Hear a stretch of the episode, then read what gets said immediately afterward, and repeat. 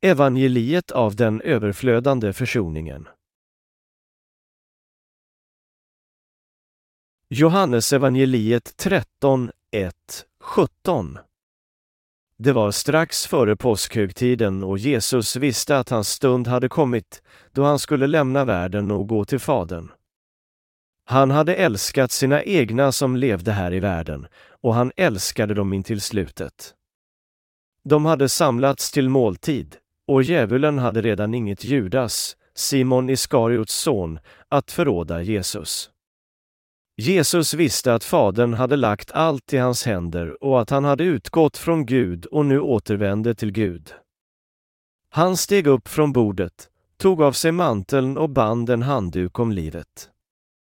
Sedan hällde han vatten i bäckenet och började tvätta lärjungarnas fötter och torka dem med handduken som han hade bundit om sig. När han kom till Simon Petrus sade denne till honom, Herre, skall du tvätta mina fötter? Jesus svarade, Vad jag gör förstår du inte nu, men senare skall du fatta det. Petrus sade, Aldrig någonsin får du tvätta mina fötter. Jesus sade till honom, Om jag inte tvättar dig har du ingen gemenskap med mig. Då sade Simon Petrus, Herre, tvätta inte bara mina fötter utan också händerna och huvudet. Men Jesus sade till honom, den som har badat behöver bara få fötterna tvättade, i övrigt är han ren. Och ni är rena, dock inte alla. Han visste nämligen vem som skulle förråda honom, och därför sade han att de inte alla var rena. När han hade tvättat deras fötter och tagit på sig manteln och lagt sig till bords igen, sade han till dem, Förstår ni vad det är jag har gjort med er? Ni kallar mig mästare och herre, och det med rätta, för det är jag. Om nu jag, som är er herre och mästare, har tvättat era fötter, är också ni skyldiga att tvätta varandras fötter. Jag har gett er ett exempel för att ni skall göra som jag har gjort med er. Sannerligen, jag säger er, en tjänare är inte förmer än sin herre och en budbärare inte förmer än den som har sänt honom. Vet ni detta, är ni saliga om ni också handlar så. Varför tvättade Jesus Petrus fötter på dagen före påskhögtiden? Medan han tvättade hans fötter sade Jesus, du förstår inte nu, men senare skall du fatta det. Simon Petrus var den bästa av Jesu lärjungar. Han trodde på att Jesus var Guds son och vittnade om att Jesus var Kristus. Och eftersom Jesus tvättade hans fötter måste det finnas ett bra skäl till att göra så. När Petrus bekände sin tro att Jesus var Kristus betydde det att han trodde på Jesus som frälsaren som skulle rädda honom från hans synder. Varför tvättade Jesus lärjungarnas fötter innan han blev korsfäst? Eftersom han ville sina lärjungar förstå fullkomlig frälsning. Varför tvättade han Petrus fötter? Jesus visste att Petrus snart skulle förneka honom tre gånger, att han skulle begå många synder i framtiden. Om Petrus, efter att Jesus gick upp till himlen, hade haft någon synd kvar i sitt hjärta skulle han inte ha kunnat ha någon gemenskap med Jesus.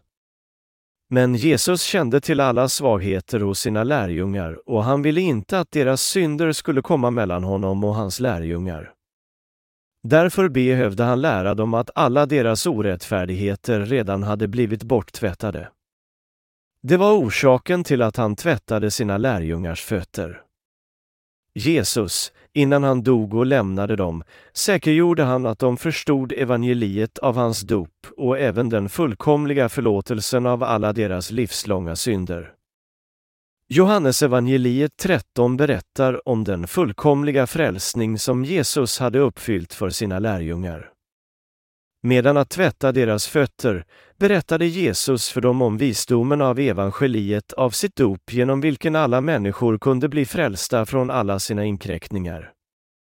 Bli inte bedragna av djävulen i framtiden. Jag har tagit bort alla era synder med mitt dop i Jordanfloden och jag skall ta domen för dem på korset. Sedan skall jag återuppstå från döden och uppfylla frälsningen av att bli födda på nytt för alla av er. för att lära er att jag redan har tvättat bort era dagliga synder, för att lära er det originella evangeliet av förlåtelsen för synder, tvättar jag era fötter innan jag blir korsfäst. Det är hemligheten av evangeliet av att bli födda på nytt. Ni måste alla tro så. Vi måste alla förstå orsaken till varför Jesus tvättade lärjungarnas fötter och veta om varför han sade, vad jag gör förstår du inte nu, men senare skall du fatta det. Bara efteråt kan vi tro på evangeliet av att bli födda på nytt och så kan vi bli födda på nytt själva. Han sade i Johannesevangeliet 13 och 12. Vad är inkräktningar? Det är synderna som vi dagligen begår eftersom vi är svaga. Strax före påskhögtiden innan han dog på korset övertygade Jesus sina lärjungar om evangeliet av förlåtelsen för deras synder genom att tvätta deras fötter med sina egna händer. Och att han hade utgått från Gud och nu återvände till Gud. Han steg upp från bordet, tog av sig manteln och band en handduk om livet. Sedan hällde han vatten i bäckenet och började tvätta lärjungarnas fötter och torka dem med handduken som han hade bundit om sig. När han kom till Simon Petrus sade denne till honom, Herre, skall du tvätta mina fötter? Jesus svarade, Vad jag gör förstår du inte nu, men senare skall du fatta det. Han lärde sina lärjungar evangeliet av dop och frälsningen för synder genom vattnet av sitt dop. På den tiden kunde Petrus inte förstå orsaken till varför Jesus tvättade hans fötter eftersom han var trovärdig mot Jesus. Efter att Jesus berättade för honom förändrades vägen på vilken han trodde på Jesus. Jesus ville lära honom förlåtelsen av synder, om evangeliet av vattnet av sitt dop. Han var bekymrad över att Petrus kanske inte kunde komma till honom på grund av alla sina framtidssynder, särskilt synderna av sitt kött i framtiden. Jesus tvättade deras fötter så att djävulen inte kunde ta bort tron av hans lärjungar. Senare förstod Petrus varför. Jesus beredde vägen så att var och en som trodde på vattnet av hans dop och blod fick bli frälst från sina synder för alltid. I Johannesevangeliet 13 upptecknades orden som han berättade medan han tvättade sina lärjungars fötter. De är väldigt viktiga ord som bara de pånyttfödda riktigt kan förstå. Orsaken till att Jesus tvättade sina lärjungars fötter efter påskhögtiden var att hjälpa dem inse att han redan hade tvättat bort alla deras livslånga synder. Jesus sade, vad jag gör förstår du inte nu, men senare skall du fatta det. De här orden till Petrus innehöll sanningen av att bli född på nytt. Vi måste alla veta och tro på Jesu dop, som har tvättat bort alla våra orättfärdigheter. Jesu dop i Jordan var evangeliet av att överlämna synder genom att lägga på händerna. Vi måste alla tro på Jesu ord. Han tog bort alla synder i världen genom sitt dop och utförde förlåtelsen av synder genom att bli dömd och att bli korsfäst. Jesus blev döpt för att avlägsna alla synder av människor. Förlåtelsen av alla livslånga inkräktningar blev fullbordad med dopet och blodet av Jesus.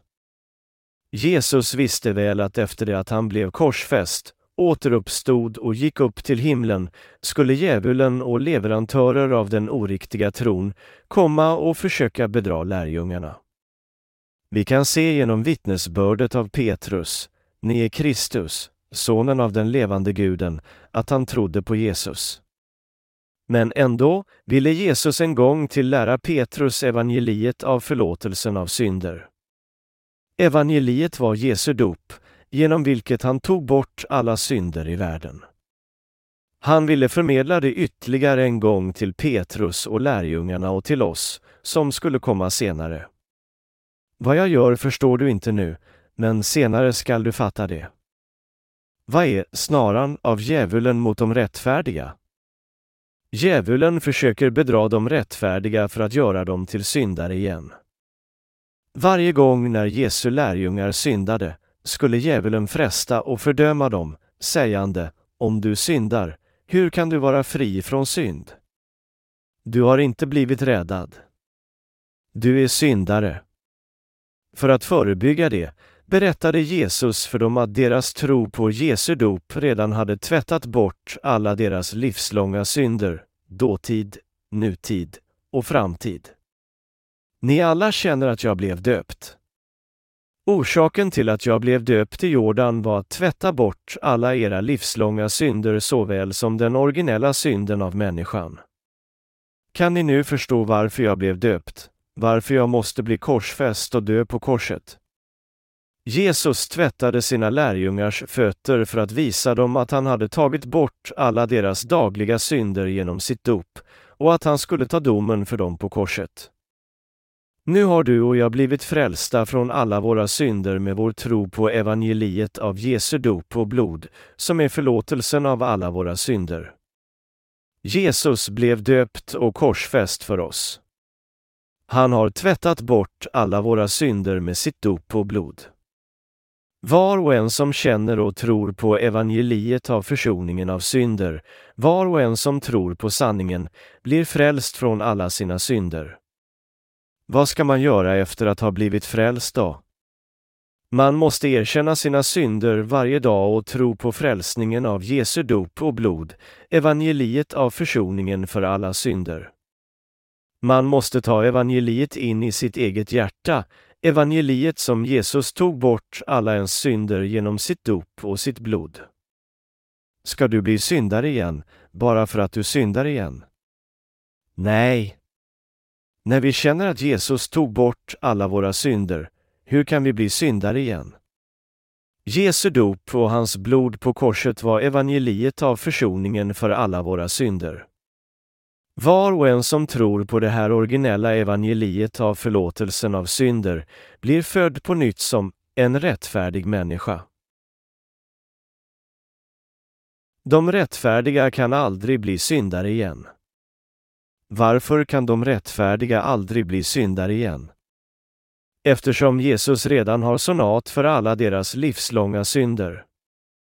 Om du tror på evangeliet av förlåtelsen av synder, av vattnet och anden, men fortfarande känner att du är syndare på grund av dina vardagliga inkräktningar, måste du då gå till Jordan där Jesus blev döpt för att ta bort alla dina synder. Om du blev syndare igen efter att du hade utfört frälsning skulle Jesus vara tvungen att bli döpt om och om igen. Du måste ha tron på förlåtelsen av dina synder, på evangeliet av Jesu dop. Du måste komma ihåg att Jesus tog bort alla dina synder en gång för alla genom sitt dop. Du måste ha orubblig tro på Jesus Kristus som din frälsare. Att tro på Jesus som dina frälsare betyder att du tror på dopet av Jesus, som tog bort alla dina livslånga synder.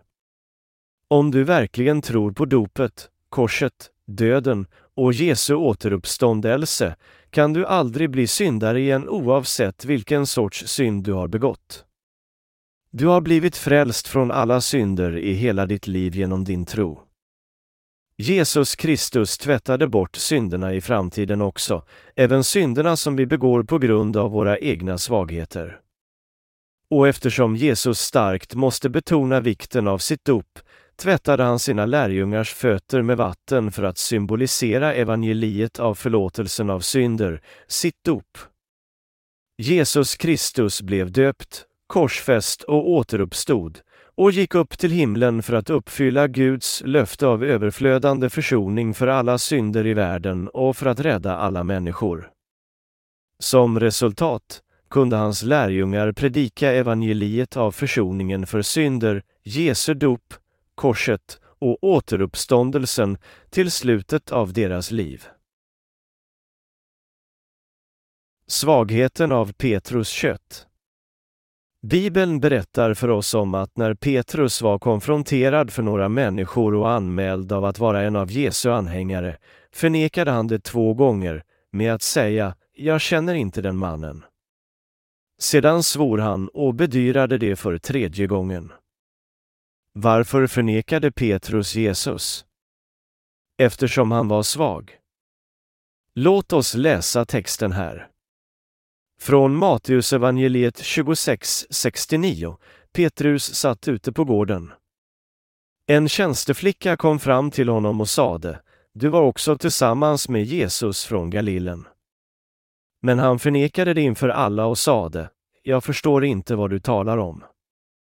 Han gick ut i porten, och där var det en annan kvinna som såg honom, och hon sade till dem runt omkring, han där var tillsammans med Jesus från Nasaret. Han förnekade det på nytt och svor på det. Jag känner inte den mannen. Strax efteråt kom de som stod där fram till Petrus och sade, Visst är du också en av dem. Det hörs på talet. Då svor han och bedyrade, Jag känner inte den mannen. I samma ögonblick golen tupp. Då kom Petrus ihåg vad Jesus hade sagt, Innan tuppen gal skall du ha förnekat mig tre gånger, och han gick ut och grät bittert. Matteus evangeliet 2, 6, 6, 9, 7, 5.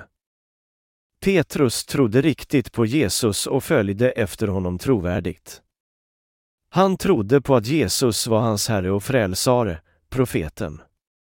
Men när Jesus greps till domstolen av Pilatus, när det blev farligt att vara förenad med Jesus, förnekade han och svor till honom. Petrus visste inte att han skulle förneka Jesus.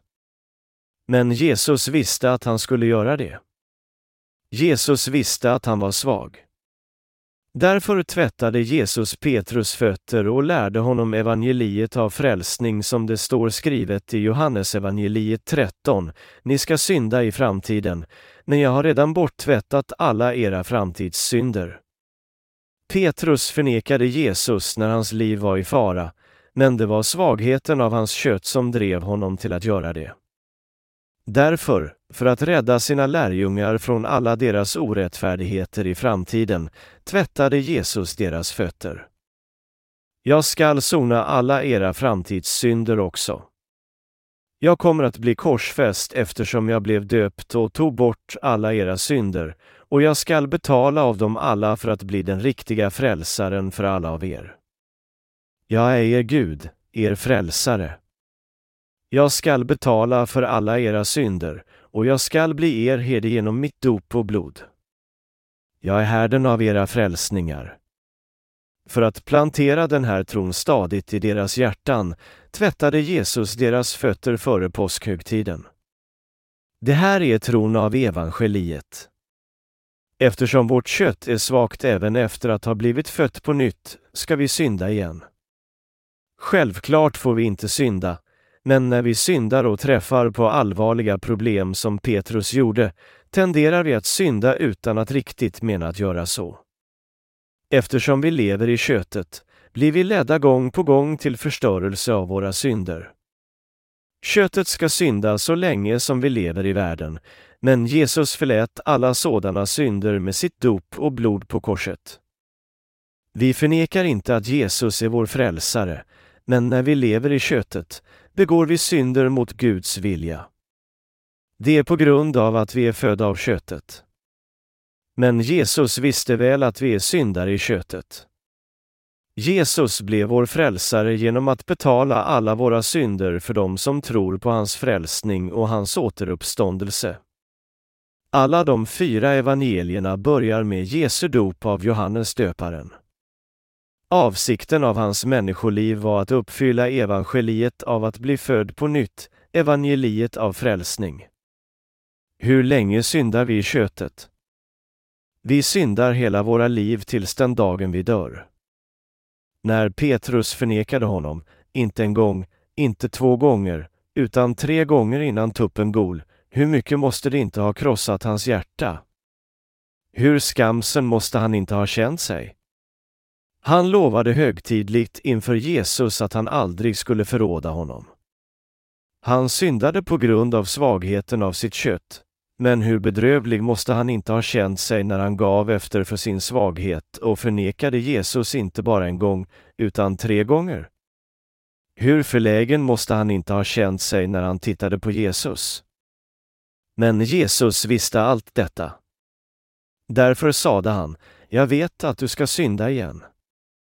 Men jag har redan tagit bort alla synder med mitt dop ifall dina synder gör dig snava och vänder dig åter till synder, ifall du fann att det är omöjligt att komma tillbaka till mig. Jag har blivit den fullkomliga frälsaren för dig genom att bli döpt och dömd för alla synder. Jag har blivit din Gud, din herde. Tro på evangeliet av förlåtelsen av dina synder. Jag ska fortsätta att älska dig även om du begår synden av köttet. Jag har redan tvättat bort alla dina orättfärdigheter. Evangeliet av förlåtelsen för alla dina synder är evig. Min kärlek för dig är också evig. Jesus berättade för Petrus och lärjungarna, om jag inte tvättar dig, har du ingen gemenskap med mig. Orsaken till att han berättade om det här evangeliet i Johannesevangeliet 13 var att det var viktigt för människor att bli födda på nytt av vatten och anden. Tror du på det här? I versen 9, då sade Simon Petrus, Herre, tvätta inte bara mina fötter utan också händerna och huvudet. Men Jesus sade till honom, den som har badat behöver bara få fötterna tvättade, i övrigt är han ren. Kära vänner, ska du begå synder av köttet i framtiden eller inte? Det ska du göra. Men Jesus sade att han redan hade tvättat bort även synderna i framtiden, alla orättfärdigheter av vårt kött med sitt dop och blod, och han berättade klart och tydligt för sina lärjungar orden av sanningen, av evangeliet av försoning innan han blev korsfäst. Eftersom vi lever i vårt kött med alla våra svagheter kan vi inte slippa från att synda. Jesus tvättade bort alla synder i världen med sitt dop. Han har inte bara tvättat våra huvud och kroppar, utan han har också tvättat våra fötter, våra synder i framtiden. Det här är evangeliet av att bli född på nytt, av Jesu dop. Efter att Jesus blev döpt, vittnade Johannes döparen, där är Guds lam som tar bort världens synd, Johannes evangeliet 1-29. Vi borde tro på att alla synder i världen har blivit borttvättade genom att överlämnas på Jesus när han blev döpt. När man lever i världen kan man inte sluta synda. Vi måste acceptera det som ursprunglig sanning.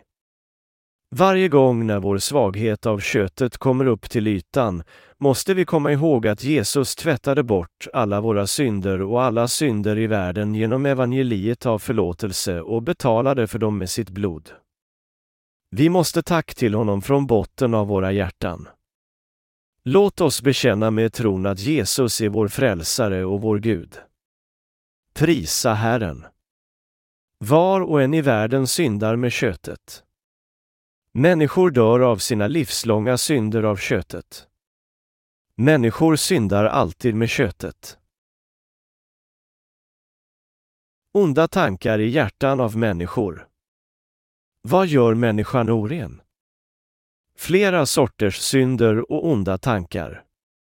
Jesus sade i Matteusevangeliet 15 och 19 till 20. Ty från hjärtat kommer onda tankar, mord, äktenskapsbrott, otukt, stöld, mened, förtal. Det är detta som gör människan oren.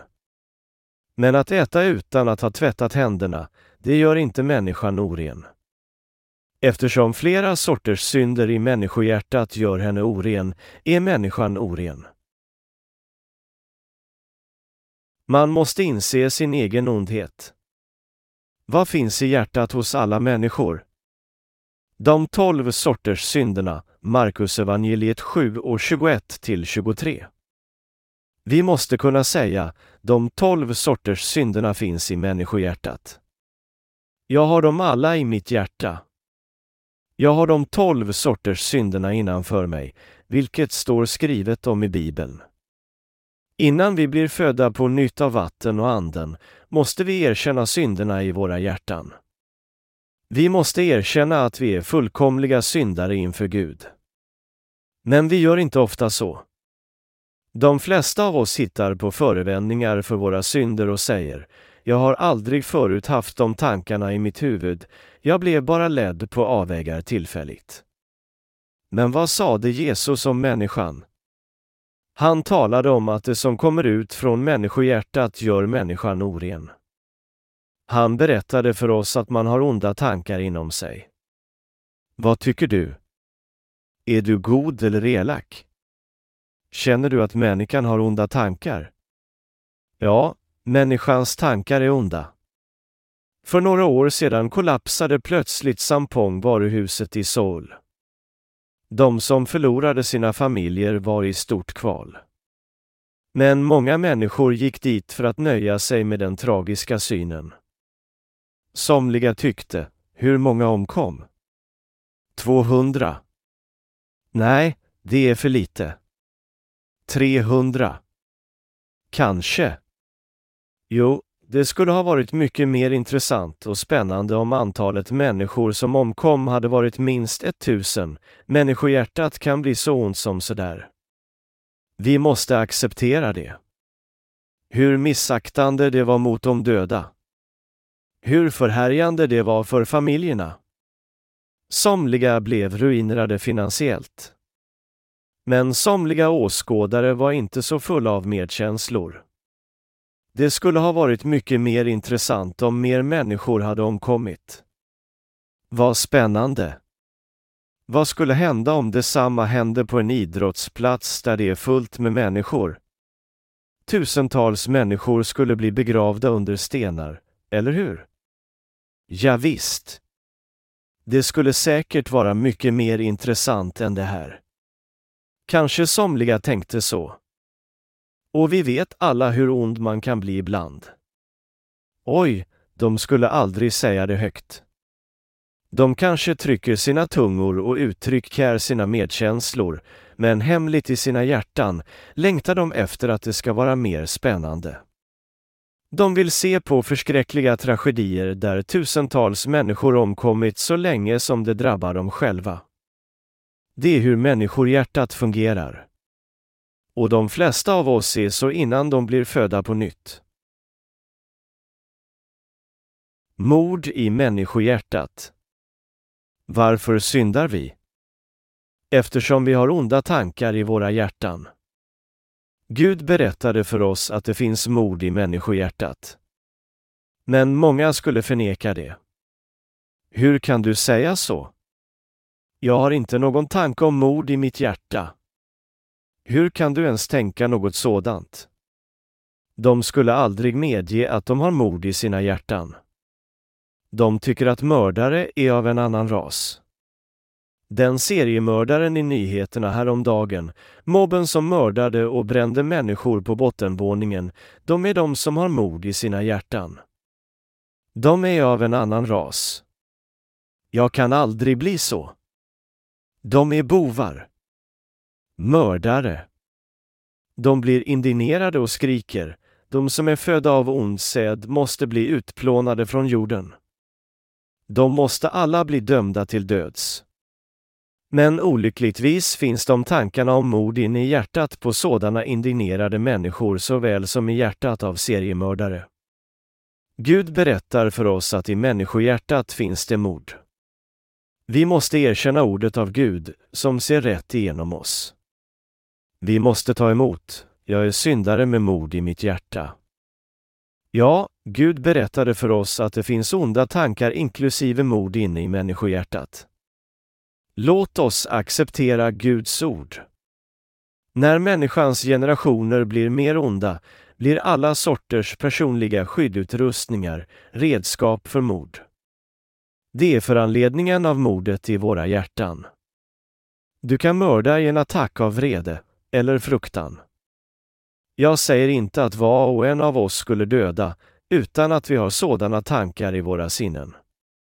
Eftersom människor är födda med onda tankar har vi alla dem i våra hjärtan. Somliga dödar, inte för att de är födda som mördare, utan eftersom vi alla har möjlighet att bli mördare. Gud berättar för oss att vi har onda tankar och mord i våra hjärtan. Det är sanningen. Ingen av oss är undantaget från sanningen. Därför är den korrekta vägen som vi ska ta, att ta emot Guds ord och vara lydiga mot honom. Vi syndar i världen eftersom vi har onda tankar i våra hjärtan. äktenskapsbrott i våra hjärtan. Gud säger att det finns äktenskapsbrott i människohjärtat. Håller du med om det? Erkänner du att du har äktenskapsbrott i ditt hjärta? Ja, det finns äktenskapsbrott i människohjärtat.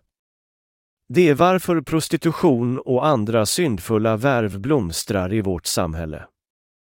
Det är en av de säkraste vägarna att tjäna pengar i alla generationer. Andra affärer kan lida av ekonomiska depressioner, men de här uselaffärerna lider inte så mycket eftersom det finns äktenskapsbrott som bor i människohjärtat. Frukten av syndare är synd. Vad liknas människan vid? Trädet som har frukten av synd. Precis som äppelträd har äpplen, päronträd har päron, daddelpalmer har dadlar och persimonträd har persimoner, har vi, som är födda med de tolv sorters synderna i våra hjärtan, frukten av synd. Jesus sade att det som kommer ur människohjärtat gör henne oren. Håller du med? Vi kan bara hålla med om Jesu ord och säga, ja, vi är avfödan av syndare. Ja, ni har rätt, Herren.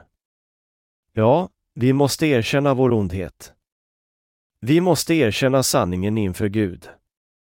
Precis som Jesus Kristus var lydig mot Guds vilja måste vi ta emot Guds ord och vara lydiga mot honom. Det är den enda väg genom vilken vi kan bli frälsta från alla våra synder genom vattnet och anden. De här är Guds presenter. Mitt land är välsignat med fyra vackra årstider. Och när årstiderna pågår har flera sorters träd sina frukter. På samma sätt fattar de tolv synderna i våra hjärtan tag i oss och leder oss ständigt till synd. Det kan vara mord som fattar tag i oss idag och det kan vara äktenskapsbrott imorgon. Och nästa dag, onda tankar, otukt, stöld, mened, förtal och så vidare. Och vi fortsätter synda året om, varje månad, varje dag, varje timme. Inte ens en dag passerar utan att vi begår någon sorts synd. Vi fortsätter lova högtidligt att stanna borta från synd, men vi kan inte slippa från att synda eftersom vi är födda på det här sättet. Har du någonsin sett ett äppelträd som vägrar att ha äpplen eftersom det inte ville? Jag vill inte ha äpplen. Även om det bestämde sig för att vägra att ha frukt, hur kunde det inte ha äpplen?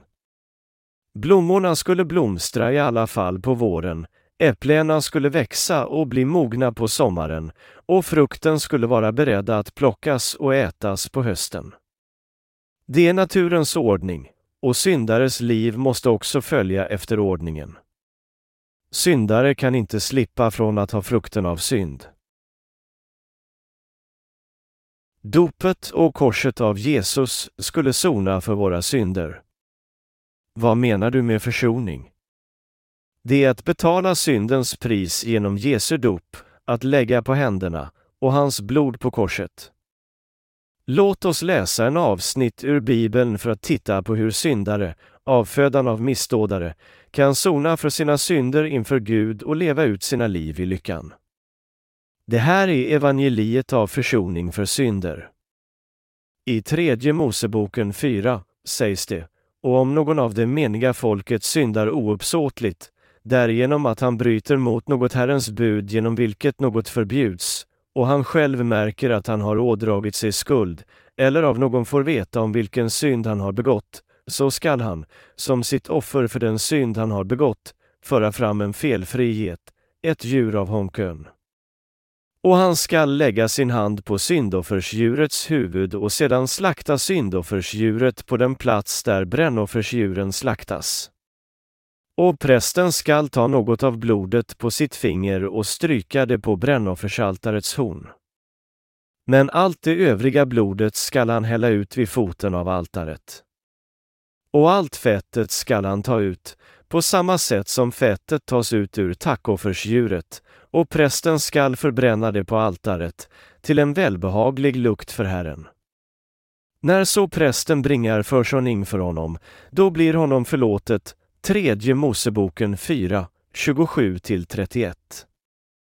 Hur gjorde människor för att sona sina synder under Gamla testamentets dagar? De lade sina händer på syndoffersdjurets huvud och lämnade sina synder därpå.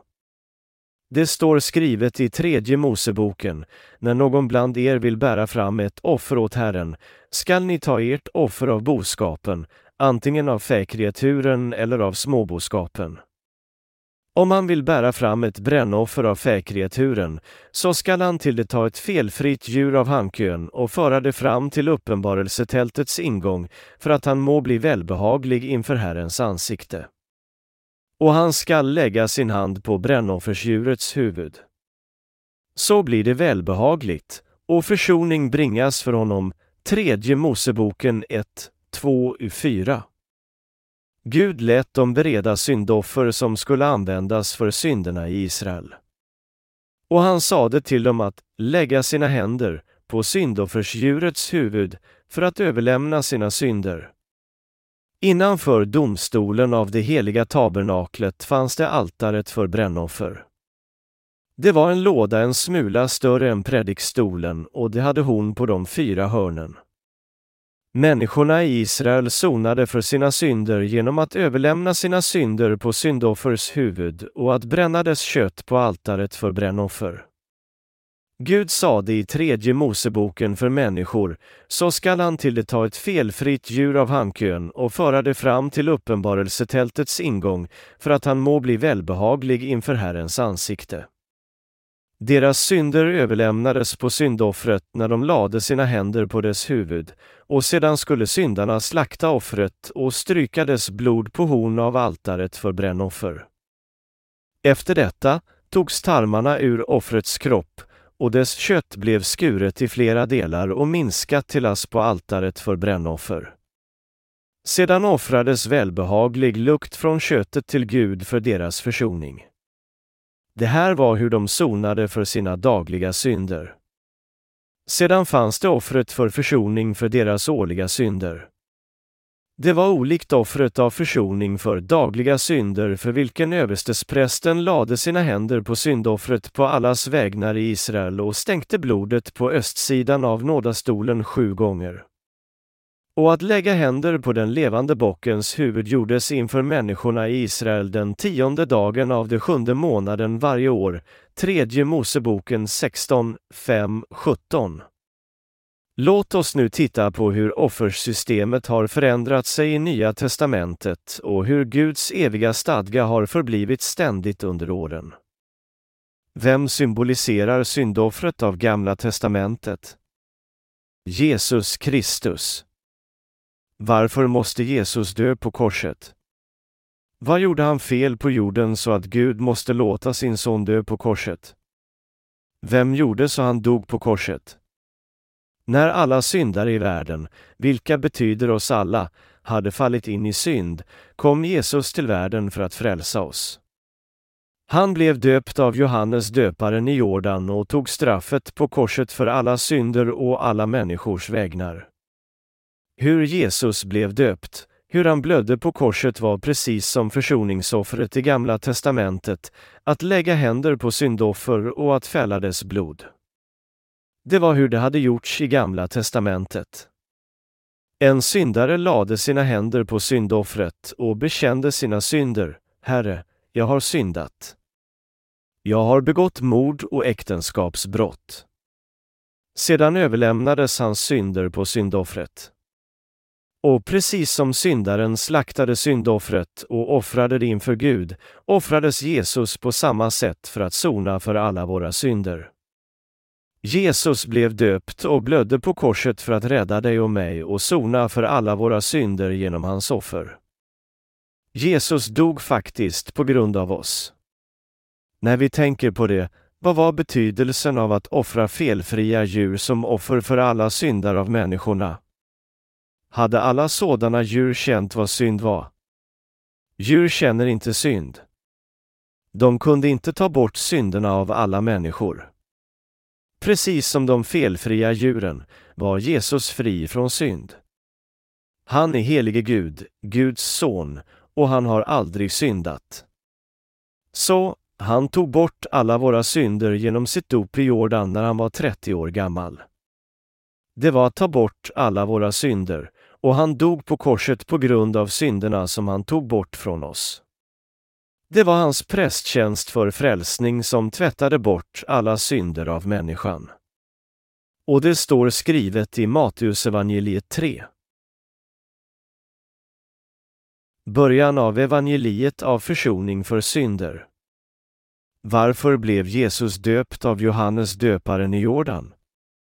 För att uppfylla allt som hör till rättfärdigheten. Det står skrivet i Matteusevangeliet 3, sedan kom Jesus från Galilen till Johannes vid Jordan för att döpas av honom. Men Johannes ville hindra honom och sade, det är jag som behöver döpas av dig, och nu kommer du till mig. Jesus svarade, låt det ske.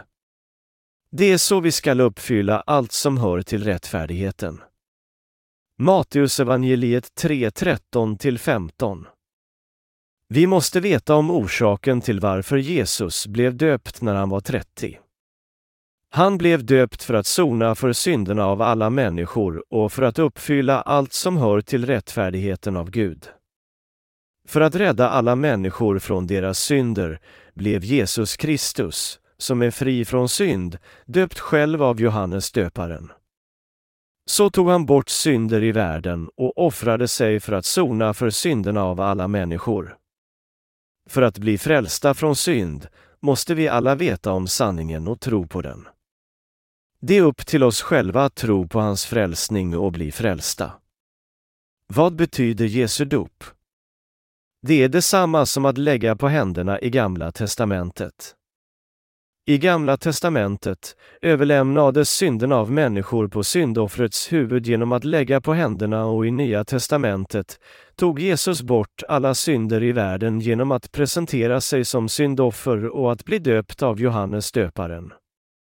Johannes döparen är den största människan bland människor, representanten för människor prästvigdes av Gud. Som representant för människor, överstesprästen av alla, lade han sina händer på Jesus och överlämnade alla synder i världen på honom. Dop betyder att överlämna, att begrava och att tvätta. Förstår du nu varför Jesus kom till världen och blev döpt av Johannes döparen? Tror du på Jesus och förstår du betydelsen av hans dop? Jesu dop fick ta bort alla våra synder, synderna som vi, avfödan av missdådare, begår med vårt kött alltigenom våra liv. Jesus blev döpt av Johannes döparen för att uppfylla det originella evangeliet av försoning för alla våra synder. I Matteusevangeliet 3.13-17 står det skrivet sedan, och det betyder tiden då Jesus blev döpt, tiden då alla synderna av människorna överlämnades på honom. Sedan tog Jesus bort alla synder av människor, dog på korset efter tre år och återuppstod efter tre dagar. För att tvätta bort alla synder i världen blev han döpt en gång för alla, dog på korset en gång för alla och återuppstod från döden en gång för alla. För alla de som vill bli frälsta av sina synder inför Gud frälste han dem en gång för alla. Varför måste Jesus bli döpt? Varför måste han ta på sig en taggkrona och bli dömd i domstolen av Pilatus liksom vanliga brottslingar? Varför måste han bli korsfäst och blöda ihjäl? Eftersom han tog på sig alla synder i världen, synden av dig och mig, genom sitt dop. Och för våra synder måste han dö på korset. Vi måste tro på ordet av frälsning att Gud har frälst oss och vara tacksamma för honom. Utan Jesu dop, hans kors och hans återuppståndelse skulle det inte finnas någon frälsning för oss. När Jesus blev döpt av Johannes för att ta bort alla synder i världen tog han bort alla våra synder och frälste oss som tror på hans evangelium av frälsning. Det finns människor som tycker, men han tog bara bort originell synd, eller hur? Men de har fel. Det är klart upptecknat i Bibeln att Jesus tog bort alla synder i världen en gång för alla när han blev döpt. Alla våra synder, inklusive originell synd, har blivit borttvättade. Det står skrivet i Matteusevangeliet 3.15, det är så vi skall uppfylla allt som hör till rättfärdigheten. Att uppfylla allt som hör till rättfärdigheten betyder att alla synder, utan undantag, har blivit borttagna från oss. Har Jesus tvättat bort våra livslånga synder också? Ja, det har han. Låt oss hitta bevisen på det i tredje Moseboken först. Det berättar för oss om överstesprästen och offret på försoningsdagen. Offret av försoning för de årliga synderna av alla människor i Israel. Kunde människor i Israel bli helgade genom syndoffret på jorden? Aldrig. Och Aron skall föra fram sin egen syndoffersjur och bringa försoning för sig och sitt hus. Sedan skall han ta de två bockarna och ställa dem inför Herrens ansikte vid ingången till uppenbarelsetältet. Och Aron skall dra lott om de två bockarna, en lott för Herren och en lott för Asasel. Och den bock som lotten bestämmer åt Herren skall Aron föra fram och offra till syndoffer. Men den bock som lotten bestämmer åt Asasel skall ställas levande inför Herrens ansikte, för att försoning må bringas för honom, så att han må släppas fri ut till Asasel i öknen, tredje Moseboken 16, 6, 10. Här tog Aron två bockar vid ingången till uppenbarelsetältet för försoningen för de årliga synderna av Israel. Och Aron skall dra lott om de två bockarna, en lott för Herren och en lott för Asasel. Syndabocken behövdes för försoning. Det här var offret av försoning för dagliga synder, i vilken syndaren lade sina händer på offrets huvud för att överlämna sina synder. Men för de årliga synderna av människor överlämnade överstesprästen på alla människors vägnar de årliga synderna på syndoffret på den tionde dagen i den sjunde månaden varje år. I tredje Moseboken 16, 2, 9, 31 står det skrivet i sjunde månaden, på tionde dagen i månaden, skall ni späka er och inte göra något arbete, varken den infödde eller främlingen som bor bland er. Ty på den dagen skall försoning bringas för er, till att rena er. Från alla era synder skall ni renas inför Herrens ansikte. En vilosabbat skall den vara för er, och ni skall då späka er. Detta skall vara en evig stadga, tredje Moseboken 16, 2, 9, 31. I Gamla testamentet hämtade människor i Israel ett syndoffer för att sona för dagliga synder och överlämna sina synder på dess huvud, medan att bekänna, Herre, jag har begått synder se och så. Var god och förlåt mig. Sedan slaktade de syndoffret, gav blodet till prästen och gick hem övertygade om att de nu var fria från sina synder. Syndoffret dog för syndarna med synden på dess huvud. Syndoffret dödades istället för dem. I Gamla testamentet kunde syndoffret vara en bock, en kalv, en tjur, alla helgade djur som Gud hade urskilt. Istället för att en syndare dör för sina synder lät Gud, i sin oändliga barmhärtighet, ett djurs liv offras. På så sätt i Gamla testamentet kunde syndare sona för sina synder genom offret av försoning. Inkräktningarna av syndaren överlämnades på syndoffret genom att sona för synderna av syndaren. Men det var omöjligt att sona för synder varje dag.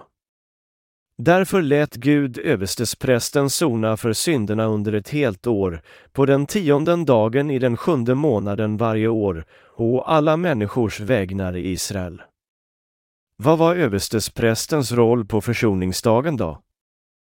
Först lade Aron, överstesprästen, sina händer på syndoffret, bekände synderna av människor. Herre, människor i Israel har begått sådana synder, mord, äktenskapsbrott, otukt, stöld, mened, förtal, sedan slaktade han syndoffret, tog blodet som blev stängt sju gånger på nådastolen innanför det heliga tabernaklet. I Bibeln betraktas siffran sju som den perfekta siffran. Det var hans arbete att överlämna de årliga synderna av människorna på syndoffrets huvud och alla människors vägnar, och syndoffret blev helgat på platsen. Eftersom Gud är rättvis, för att rädda alla människor från deras synder, lät han syndoffret dö på platsen inför människorna. Eftersom Gud verkligen är barmhärtig lät han människorna offra offrets liv på platsen istället för deras egna. Sedan stänkte överstesprästen blodet på östsidan av nådastolen och så sonade alla synder av människorna för det gångna året på försoningsdagen, på den tionde dagen i den sjunde månaden. Vem är offerlammet enligt Gamla testamentet? Jesus som är fri från synd. Överstesprästen måste offra två bockar på försoningsdagen för människor i Israel. En av dem kallades för syndabocken, vilket betyder att lägga ut. Och så är syndabocken i Nya testamentet Jesus Kristus. Så älskade Gud världen att han gav den sin enda son, för att de som tror på honom inte skall gå under utan ha evigt liv. Johannes evangeliet 3.16. Gud gav oss sin enda son som offerlamm. Och som offerlammet för alla människor blev han döpt av Johannes döparen och blev frälsaren, Messias av världen. Messias betyder frälsaren och Jesus Kristus betyder kungen som har kommit för att frälsa oss. Således, precis som de årliga synderna av människor sonades på försoningsdagen i Gamla testamentet, kom Jesus Kristus, för ungefär 2000 år sedan, till världen för att bli döpt och blödde ihjäl på korset för att fullkomliggöra evangeliet av frälsningen för alla våra synder. Låt oss nu läsa ett avsnitt i tredje Moseboken. Och Aron skall lägga båda sina händer på den levande bockens huvud och bekänna över honom Israels barns alla missgärningar och alla deras överträdelser, vad de än må ha syndat. Han skall lägga dem på bockens huvud och genom en man som hålls redo för det släppa honom ut i öknen. Så skall bocken bära alla deras missgärningar på sig ut i vildmarken. Man skall släppa bocken ut i öknen, tredje Moseboken 16 och 21 till 22. Det står skrivet att synderna av alla människor överlämnades på bockens huvud som det också är sagt i tredje Moseboken 1. Alla deras överträdelser betyder alla synder som de har begått i sina hjärtan, alla synder som de har begått med sitt kött. Och alla deras överträdelser överlämnades på syndoffrets huvud genom att lägga på händerna. Med Guds lag måste sex ha insyn av alla våra synder som följd. Varför gav Gud oss lagen? För att ge oss insyn av synd. Guds lag och bud består av 613 artiklar. När vi tänker på detta har vi faktiskt gjort vad han sade till oss att inte göra och har inte gjort vad han sade till oss att göra. Därför är vi syndare. Och det står skrivet i Bibeln att Gud gav oss sådana lagar för att få oss att inse våra synder, Romarbrevet 3.20. Det betyder att han gav oss sin lag och sina bud för att lära oss att vi är syndare. Han gav oss dem inte för att vi kan leva efter dem, utan för att vi ska känna våra synder. Han gav oss inte sin lag och sina bud för att vi ska hålla den. Du kan inte förvänta dig att hunden ska leva liksom människan. På samma sätt kan vi aldrig leva efter Guds lag utan kan bara inse våra synder genom hans lag och bud. Gud gav oss dem eftersom vi är syndmassa, men vi inser inte det själva. Ni är mördare, orkalar, missdådare. Han sade till oss att inte döda, men vi dödar ändå i våra hjärtan och ibland i verkligheten. Men eftersom det står skrivet i lagen att vi får inte döda, känner vi att vi är mördare och säger ”Oj, jag har fel”. Jag är syndare eftersom jag gjorde vad jag inte får. Jag har syndat. Därför, för att frälsa människor i Israel från synd, lät Gud Aron offra för försoning i Gamla testamentet, och det var Aron som sonade för människorna en gång om året. I Gamla testamentet måste två syndoffer bli offrade på försoningsdagen. Det ena offrades inför Gud medan det andra släpptes ut i öknen efter att lägga på händerna och tog med sig alla årliga synder av människorna.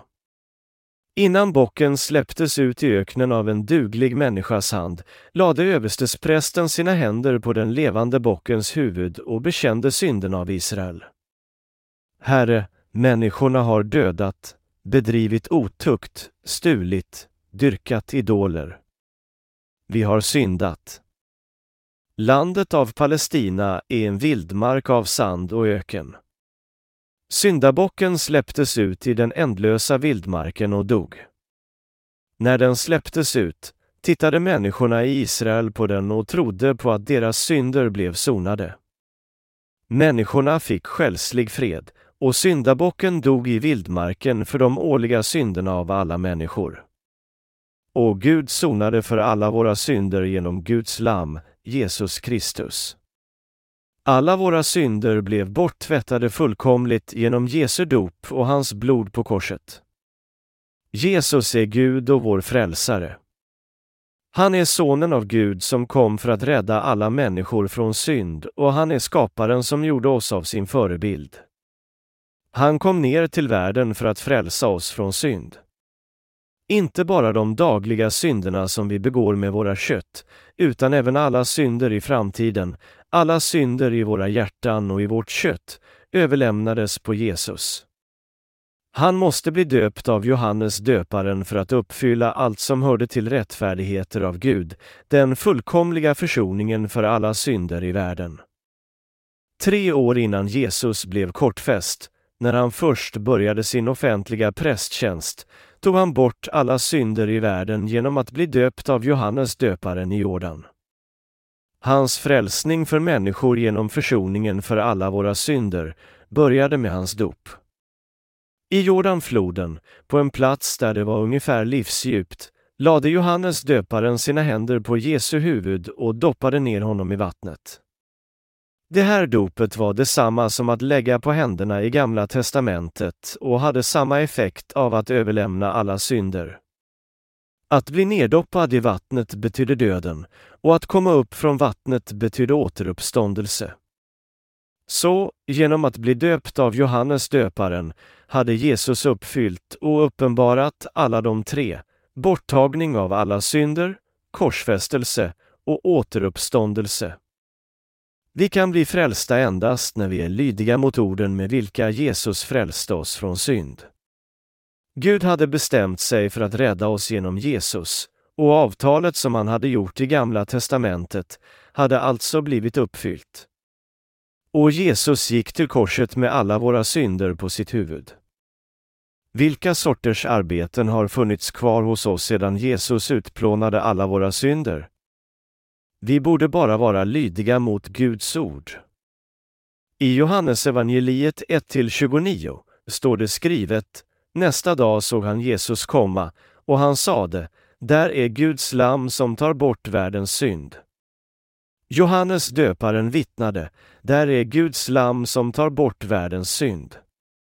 Alla synder av människor överlämnades på Jesus när han blev döpt i Jordan. Tro på det.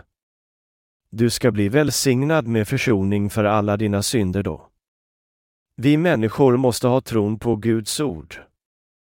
Vi måste lägga våra egna tankar och envisheter åt sidan och enkelt tro på sanningen att Jesus tog bort alla synder i världen och vara lydiga mot Guds skrivna ord. Att säga att Jesus tog bort alla synder i världen och att säga att han uppfyllde Guds rättfärdighet genom att sona våra synder är då precis samma sak. Och att lägga på händerna och dop är också detsamma. Oavsett om vi säger all, allting eller hela förblir betydelsen detsamma. Betydelsen av ordet att lägga på händerna i Gamla testamentet förblir detsamma i Nya testamentet, med undantag av att ordet dop används istället. Det kommer till den enkla sanningen att Jesus blev båda döpt och dömd på korset för att sona för alla våra synder. Och vi är frälsta när vi tror på det här originella evangeliet. När vi säger att Jesus tog bort alla synderna i världen, vad menar vi med synderna i världen?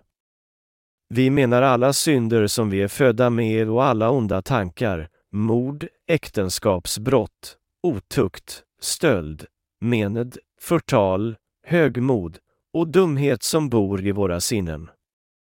Det menar alla överträdelser och inkräktningar i köttet och i hjärtat. Syndens lön är döden, men Guds gåva är evigt liv i Kristus Jesus, vår Herre, Romarbrevet 6 och 23. Och utan att blod utgjuts ges ingen förlåtelse, Hebreerbrevet 9 och 22. Som det står skrivet i de här verserna måste alla synder bli betalade. Och Jesus Kristus, för att rädda alla människor från synd, offrade sitt eget liv och betalade syndens lön för oss en gång för alla. Allt vi måste göra är därför att tro på Jesu dop och hans blod, det originella evangeliet, och på Jesu existens som vår Gud och vår frälsare för att bli fria från alla våra synder. Försoningen för morgondagens synder. Behöver vi offra för vår synder mer? Aldrig igen. Synderna av morgondagen och övermorgonen och synderna som vi begår tills den dag vi dör hör också till världens synd, precis som synderna av idag, igår och i förrgår också hör till världens synd. Synderna av människor från födelsen till döden är en del av världens synd och världens synd överlämnades på Jesus genom hans dop. Alla synder som vi ska begå tills den dag vi dör har därför redan blivit borttagna ifrån oss. Och vi behöver bara tro på det här originella evangeliet, Guds skrivna ord, och vara lydiga för att bli frälsta. Vi borde lägga våra egna tankar åt sidan för att bli frälsta av alla våra synder. Du kanske kan fråga så här, hur kunde han ta bort synderna som vi ännu inte har begått? På det här skulle jag vilja fråga dig, borde Jesus komma tillbaka till världen varje gång vi syndar och utgjuta blod om och om igen? I evangeliet av att bli född på nytt finns det en försoningslag för synder. Och utan att blod utgjus ges ingen förlåtelse, Hebreerbrevet 9 och 22.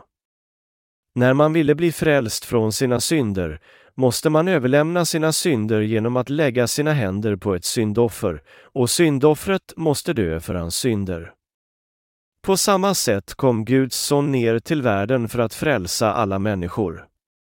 Han blev döpt för att ta bort alla våra synder och han blödde på korset för att betala syndens lön och när han kom att dö på korset sade han, det är fullbordat. Han återuppstod från döden efter tre dagar och sitter nu på Guds högra sida. Han har blivit vår frälsare för alltid.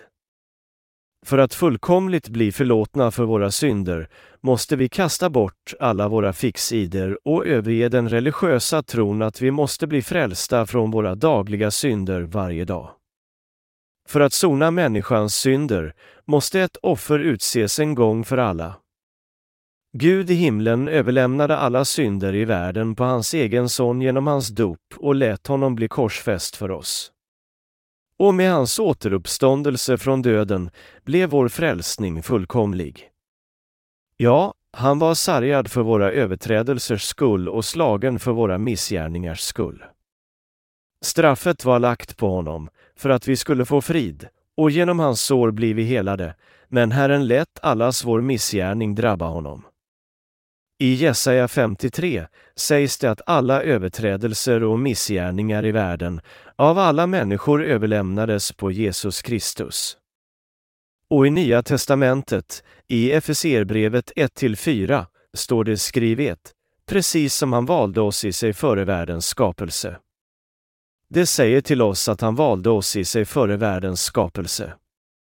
Innan världen skapades valde Gud oss till att göra sitt folk, de rättfärdiga, fria från synder i Kristus. Vad vi än förmodligen har tyckt förut, måste vi nu tro på och vara lydiga mot Guds ord, orden av vattnet, blodet och anden. Gud berättar för oss att hans lamm, Jesus Kristus, tog bort världens synd och sonade för alla människor. I Hebreerbrevet 10 står det skrivet med lagen nådde oss bara en skugga av det goda som skall komma, inte tingens egen gestalt. Därför förmår den aldrig genom de årligen upprepade offren göra dem som träder fram med de fullkomliga för all framtid. Hebreerbrevet 10 1. Här står det att att oavbrutet offra detsamma år efter år aldrig kan göra oss fullkomliga. Lagen är en skugga av de goda saker som skall komma och inte tingens egen gestalt. Jesus Kristus, Messias som skulle komma, fullkomliggjorde oss en gång för alla, precis som de årliga synderna av Israel blev sonade en gång för alla, genom att bli döpt och korsfäst för att sona för alla våra synder. Därför sade Jesus i Hebreerbrevet, sedan säger han, Se, jag har kommit för att göra din vilja. Så upphäver han det första för att låta det andra gälla. Efter denna Guds vilja har vi helgats genom att Jesu Kristi kropp blev offrad en gång för alla. Varje präst tjänstgör dagligen och bär alltså gång på gång fram samma offer, som ändå aldrig kan avlägsna några synder. Men Jesus frambar ett enda syndoffer för alla tider och har satt sig på Guds högra sida. Där väntar han nu på att hans fiender skall läggas som en pall under hans fötter. Ty med ett enda offer har han för all framtid fullkomnat dem som blir helgade. Om detta vittnar också om den heliga anden för oss. Först heter det, detta är det förbund som jag skall sluta med dem i kommande dagar, säger Herren. Jag skall lägga mina lagar i deras hjärtan och inrista dem i deras sinnen. Och sedan, deras synder och överträdelser skall jag aldrig mer komma ihåg. Men där synderna är förlåtna behövs inte mer något syndoffer, Hebreerbrevet 10 i 9 i 18. Och vi tror på att Jesus har frälst oss från alla synder i världen genom sitt dop och blod på korset. Frälsningen av att bli födda av vatten och anden är ingraverad i våra hjärtan och våra sinnen. Är vi rättfärdiga bara för att vi inte syndar längre? Nej, vi är rättfärdiga eftersom Jesus tog bort alla våra synder och att vi tror på honom. Tror ni alla på det? Amen, är ni lydiga med tron mot Guds ord att Jesus Kristus blev döpt själv och blödde på korset för att rädda oss? Vi måste vara lydiga för att bli födda på nytt. När vi tror på att Jesus Kristus, genom evangeliet av förlåtelse, tvättade bort alla våra synder och alla synder i världen, kan vi bli räddade. Vi kan aldrig bli fullkomliga genom att vara lydiga mot Guds lag, men vi kan bli fullkomliga genom vår tro på Guds gärningar. Jesus Kristus tog bort alla våra synder genom sitt dop i Jordan och led av domen och straffet på korset för alla våra synder. Genom att tro på det här evangeliet med alla våra hjärtan kan vi bli frälsta från alla våra synder och bli rättfärdiga. Tror du på det här? Jesu dop, hans korsfästelse och hans återuppståndelse är för förlåtelsen av alla synder av människor och frälsningslagen som är baserad på Guds oändliga kärlek. Gud älskar oss som vi är och han är rättfärdig, så han gjorde oss rättfärdiga först. Han gjorde oss rättfärdiga genom att överlämna alla våra synder på Jesus genom hans dop. För att tvätta bort alla våra synder sände han sin enda son, Jesus, ner till världen för vår skull. Han lät Jesus ta bort alla synder i världen genom sitt dop och lade sedan domen på sin son för alla våra synder. Han gjorde oss till sina rättfärdiga barn genom frälsningen av vattnet och blodet och Guds kärlek. Det står skrivet i Hebreerbrevet 10 och 16. Jag skall lägga mina lagar i deras hjärtan och inrista dem i deras sinnen. Är vi syndare inför Gud eller är vi de rättfärdiga i våra hjärtan och sinnen? Om vi är lydiga mot Guds ord blir vi de rättfärdiga. Jesus Kristus tog bort alla våra synder och domen för dem. Jesus Kristus är vår frälsare. Vi kan tänka, eftersom vi syndar varje dag, hur kan vi vara rättfärdiga? Vi är säkert syndare. Men när vi är lydiga mot Guds lag, precis som Kristus Jesus var lydig mot Fadern, blir vi rättfärdiga det. Som jag har sagt förut, hade vi synd i våra hjärtan innan vi blev födda på nytt. Efter att vi tog emot evangeliet av förlåtelsen för synder in i våra hjärtan blev vi räddade från alla våra synder. När vi inte kände till evangeliet var vi syndare. Men vi blev rättfärdiga när vi började att tro på Jesu frälsning och sedan blev vi de rättfärdiga barnen av Gud. Det här är tron av att bli rättfärdiga som aposteln Paulus berättade om. Det här tron på evangeliet av förlåtelse gjorde oss till de rättfärdiga. Varken aposteln Paulus eller Abraham eller förfäder av tron blev rättfärdiga genom sina gärningar utan snarare genom tron och lydnaden mot Guds ord, orden av hans välsignelse. I Hebreerbrevet 10 och 18, men där synderna är förlåtna behövs inte mer något syndoffer. Precis som det står skrivet, frälste Gud oss så att vi förmodligen inte behöver dö för våra synder. Tror du på det här? Amen. I Filipperbrevet 2, låt det sinnelag råda hos er som också fanns hos Kristus Jesus. Han ägde Guds gestalt men vakade inte över sin jämlikhet med Gud, utan avstod från allt och antog en tjänares gestalt då han blev som en av oss. När han till det yttre hade blivit människa gjorde han sig ödmjuk och var lydig ända till döden, döden på ett kors. Därför har Gud upphöjt honom över allt annat och gett honom det namn som står över alla andra namn, för att alla knän skall böjas för Jesu namn, i himlen, på jorden och under jorden, och alla tungor bekänna att Jesus Kristus är Herre, Gud Fadern till ära, Filip Perbrevet 2 i 5, 11. Jesus Kristus gjorde själv ingen berömmelse, tog en tjänares gestalt och han blev en av oss. Han gjorde sig ödmjuk och var lydig ända till döden för att rädda oss. Därför prisar vi Jesus. Han är vår Gud, frälsare och kung. Orsaken till varför vi hedrar Gud och prisar Jesus är att Jesus var lydig mot sin faders vilja till slutet. Om han inte hade varit lydig skulle vi inte hedra Guds son nu. Men eftersom Guds son var lydig mot sin faders vilja till döden hedrar alla skapelser och alla människor på jorden honom och ska göra det för alltid. Är vi syndare även om vi syndar imorgon? Nej. Därför att Jesus tog bort alla våra synder av dåtiden, nutiden och framtiden. Jesus Kristus blev Guds lamm som tar bort världens synd och det står skrivet att han tog dem bort genom sitt dop. Det har nu gått nästan 2000 år sedan han tog bort världens synd. Och eftersom du och jag har levt i världen sedan vi blev födda hör alla våra synder också till världens synd. Har vi inte syndat sedan vi blev födda, om man bortser originell synd från våra egna livslånga inkräktningar? Jesus kände att vi skulle komma att synda från dagen vi är födda tills dagen vi dör och han tog bort alla våra synder i förväg. Kan du se det nu? Om vi fick leva tills vi blir 70 skulle våra synder vara tillräckliga för att fylla mer än hundra lastbilar. Men Jesus tog bort all synd en gång för alla med sitt dop. Han tog med sig alla våra synder till korset. Om Jesus bara hade tagit bort originell synd skulle vi alla dö och hamna i helvetet. Även om vi kände att han inte kunde ha tagit bort alla våra synder kunde det aldrig förändra sanningen att Jesus utplånade alla våra synder.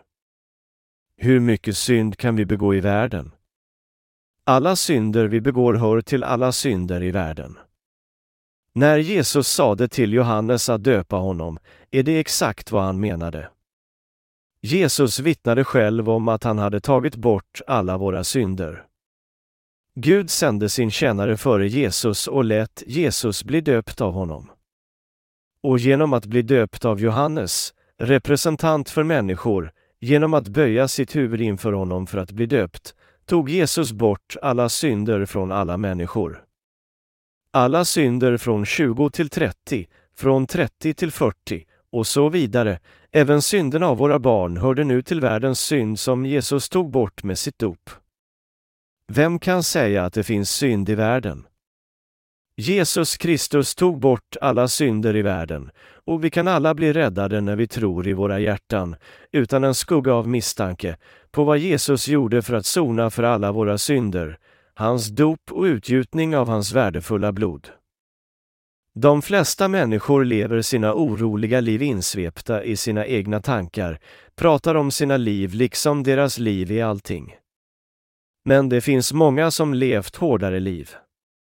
Många människor, inklusive mig, har haft oroliga liv. Hur kan du inte förstå eller ta emot evangeliet av förlåtelse, av Jesu dop på hans blod? Frälsningen av syndare har blivit komplett. Varför tvättade Jesus Petrus fötter? Eftersom han ville att Petrus skulle ha en stark tro på andningen att han redan hade tvättat bort alla hans ramtidssynder genom sitt dop. Låt oss läsa Johannesevangeliet 19. Han bar själv sitt kors ut till den plats som kallas skallen, på hebreiska Golgota. Där korsfäste de honom tillsammans med två andra, en på var sida med Jesus i mitten. Pilatus hade också låtit skriva ett anslag som sattes upp på korset, och där stod Jesus från Nasaret, judarnas konung. Detta lästes av många judar, eftersom platsen där Jesus korsfästes låg strax utanför staden och texten var på hebreiska, latin och grekiska, Johannesevangeliet 19 och 17 till 20. Kära vänner, Jesus Kristus tog på sig alla synder i världen och han blev dömd till att korsfästas i domstolen av Pilatus. Låt oss nu tänka på den här scenen tillsammans. Från versen 28, Jesus visste att nu var allt fullbordat, och för att skriftordet skulle uppfyllas tog Jesus bort alla våra synder för att uppfylla skriftordet. Han sade, jag är törstig. Där stod ett kärr som var fyllt med surt vin.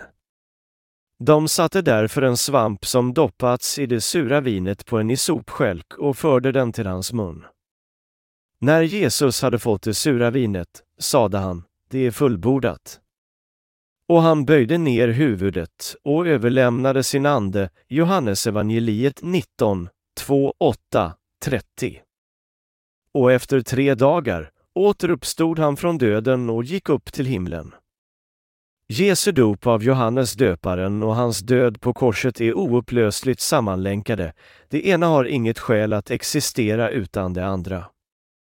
Låt oss därför prisa Herren Jesus för att ha frälst oss med sitt evangelium av förlåtelse. Människoköttet följer alltid behovet av köttet och vi kan inte sluta synda med vårt kött. Jesus Kristus gav oss sitt dop och sitt blod för att frälsa oss från synderna av vårt kött. Han frälste oss från synderna av vårt eget kött med sitt evangelium och de som har fullkomlig förlåtelse av sina synder kan träda in i himmelriket när som helst genom att tro på Jesus, som var född i Betlehem, som blev döpt i Jordan, som dog på korset och återuppstod efter tre dagar. Därför prisar vi Herren och förhärligar hans namn för alltid. I det sista kapitlet i Johannesevangeliet gick Jesus till Galilen efter att han återuppstod från döden. Han gick till Petrus och sade till honom, Simon, Johannes son, älskar du mig mer än de andra gör? Och Petrus svarade då till honom och sade, Ja, Herre, du vet att jag har dig kär. Sedan sade Jesus till honom, för mina lamm på bete. Petrus insåg allting, evangeliet av Jesu dop och hans blod, förlåtelsen av synder. När han trodde på evangeliet av vattnet och blodet av förlåtelse och insåg orsaken till varför Jesus hade tvättat hans fötter blev hans tro på Jesus mycket starkare. Låt oss läsa Johannesevangeliet 21 och 15 igen. När de hade ätit sade Jesus till Simon Petrus, Simon, Johannes son, älskar du mig mer än de andra gör? Simon svarade, Ja, Herre, du vet att jag har dig kär. Jesus sade, för mina lamm på bete. Han kunde anförtro sina lamm åt Petrus eftersom Petrus var hans lärjunge, eftersom Petrus hade blivit fullkomligt frälst och eftersom Petrus hade blivit en rättfärdig och perfekt tjänare av Gud.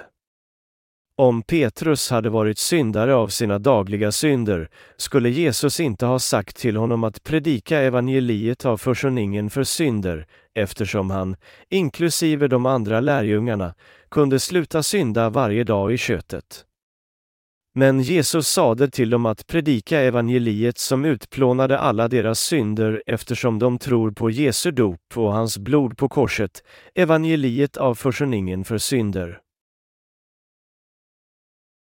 Herre, du vet att jag har dig kär.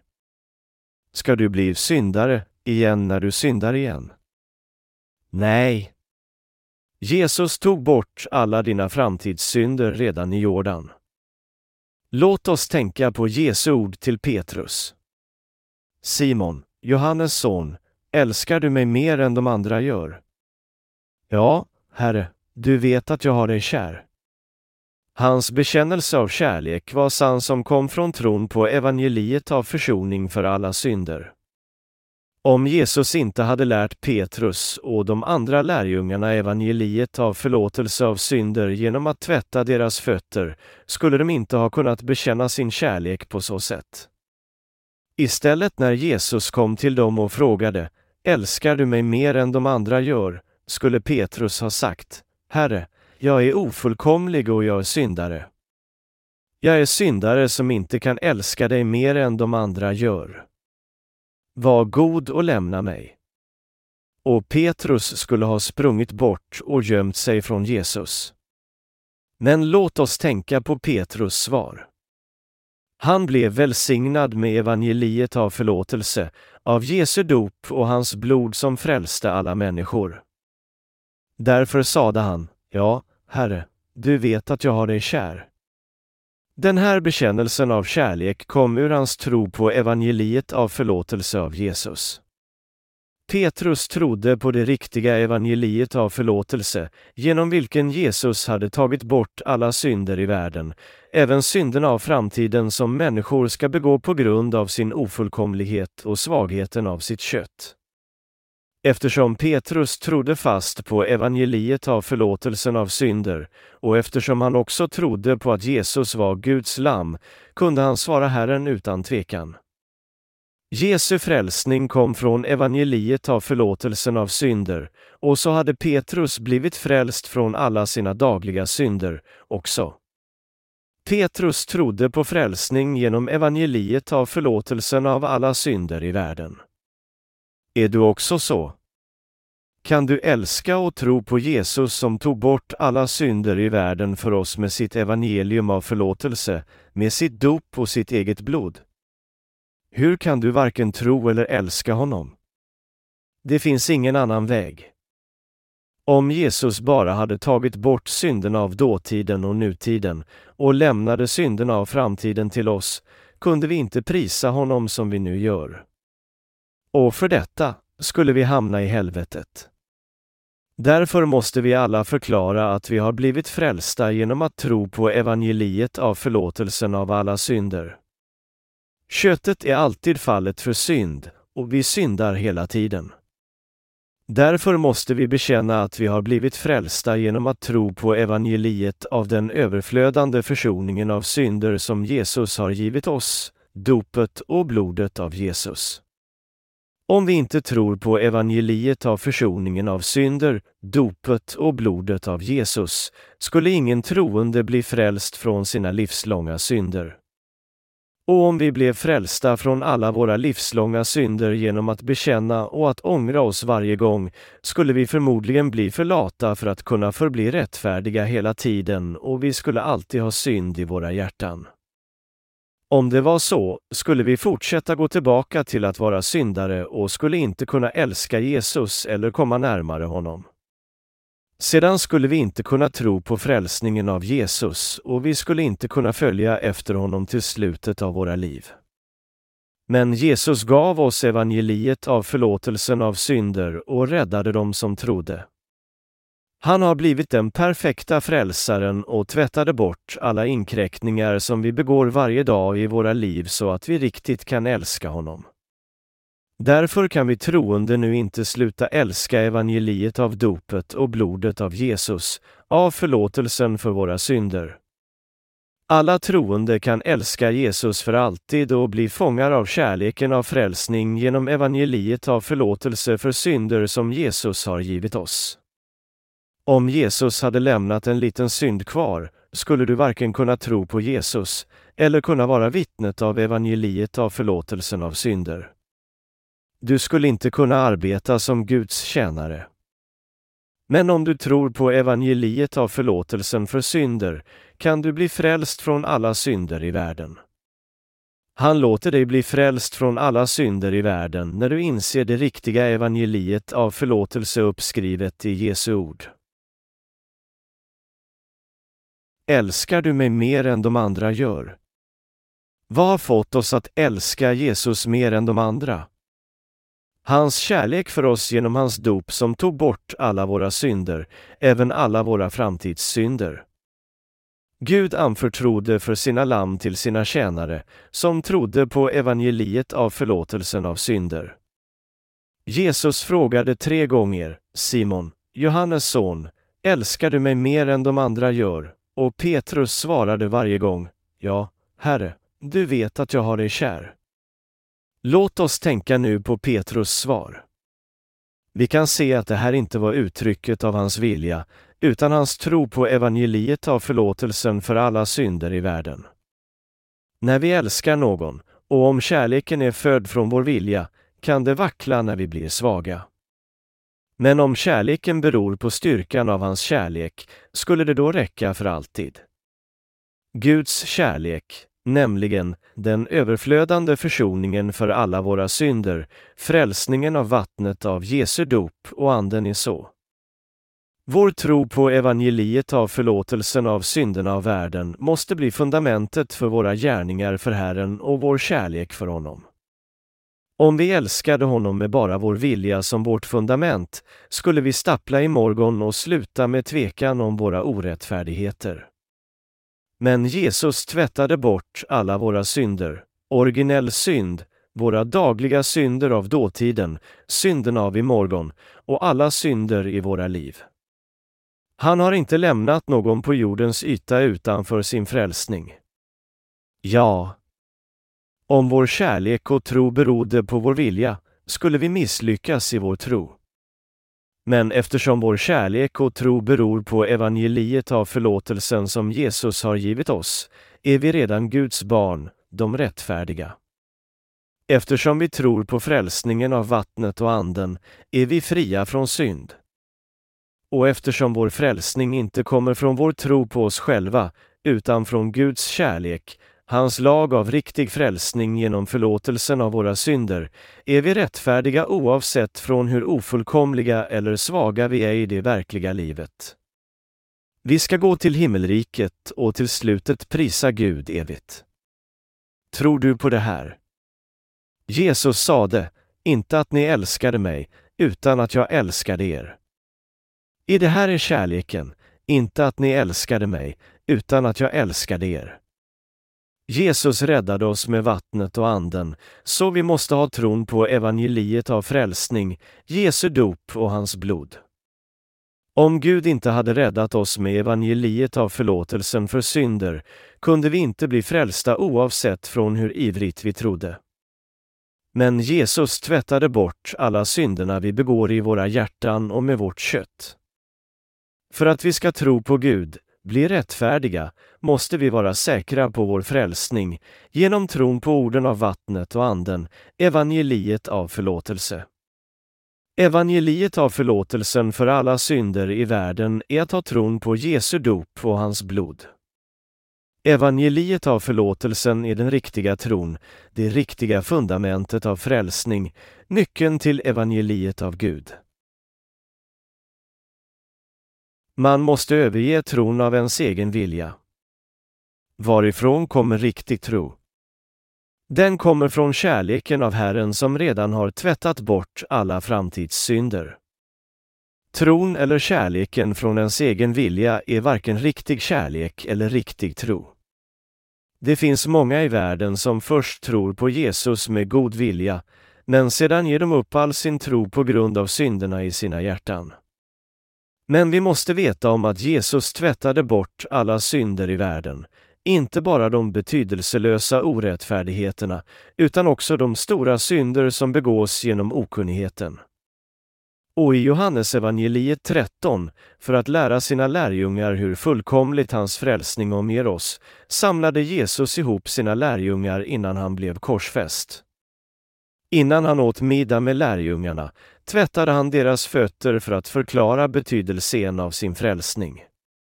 Vi måste alla veta och tro på evangeliet av förlåtelse som Jesus lärde lärjungarna genom att tvätta deras fötter. Men Petrus vägrade orubbligt att låta Jesus tvätta hans fötter i början. Aldrig någonsin får du tvätta mina fötter. Och det här var uttrycket av tron från hans egen vilja. Men Jesus sade till honom, vad jag gör förstår du inte nu, men senare skall du fatta det. Vi kan nu förstå Jesu ord med evangeliet av vattnet och anden. De är sanningens ord, evangeliet av vattnet och anden, förlåtelsen av synder, som låter syndaren bli rättfärdig genom att tro med hela sitt hjärta. Petrus gick för att fiska med lärjungarna. De fiskade som de hade gjort innan de träffade Jesus. Sedan visade Jesus sig inför dem och ropade till dem. Jesus hade berett frukost för dem, och medan de åt frukost insåg Petrus betydelsen av orden som Jesus hade sagt förut. Vad jag gör förstår du inte nu, men senare skall du fatta det. Han hade slutligen insett vad Jesus menade medan han tvättade hans fötter. Herren tvättade bort alla mina synder. Alla synder jag begår på grund av mina svagheter, inklusive alla synder jag begår i framtiden. Därför gav Petrus upp tron från sin vilja och började tro på dopet och blodet av Jesus, evangeliet av förlåtelse. Efter frukosten frågade Jesus Petrus, älskar du mig mer än de andra gör? Och nu bekände Petrus förstärkt med tron på kärlek av Jesus. Ja, Herre, du vet att jag har dig kär. Petrus kunde säga det eftersom han hade insett vad Jesus hade menat när han sade, men senare skall du fatta det. Han kunde bekänna sin riktiga tro, tron på dopet och blodet av Jesus, evangeliet av förlåtelse. Efteråt blev han en riktig tjänare av Gud. Därför, efter detta, predikade Petrus och de andra lärjungarna evangeliet till slutet av sina dagar. Även Paulus, som hade förföljt kristna obarmhärtigt, vittnade om evangeliet under de hårda dagarna av romersk kejsare. Hur kan du bli en riktig tjänare av Gud? Genom att tro på hans eviga försoning för alla dina synder. Bland de tolv lärjungarna av Jesus sålde Judas Jesus och hängde sig senare. Och det var aposteln Paulus som tog hans plats. Lärjungarna hade valt Mattias, men det var Paulus som Gud valde och Paulus blev en av Jesu apostlar och predikade evangeliet av förlåtelse med de andra lärjungarna av Jesus. De flesta lärjungarna av Jesus dog av martyr. Även när de hotades med döden fortsatte de att predika det originella evangeliet. Jesus Kristus tvättade bort alla synder av ditt kött med sitt evangelium av dop och blod, sitt evangelium av förlåtelse. Jesus tog bort dina synder med sitt dop i Jordan och tog domen för dig på korset. Tro på evangeliet av Jesu dop och hans blod på korset och bli frälsta. Och många blev frälsta genom att höra evangeliet och tro på det. Det var kraften av tro på evangeliet av Jesu dop, hans blod och anden. Alla lärjungarna predikade om evangeliet av vatten och ande, Jesus är Gud och vår frälsare.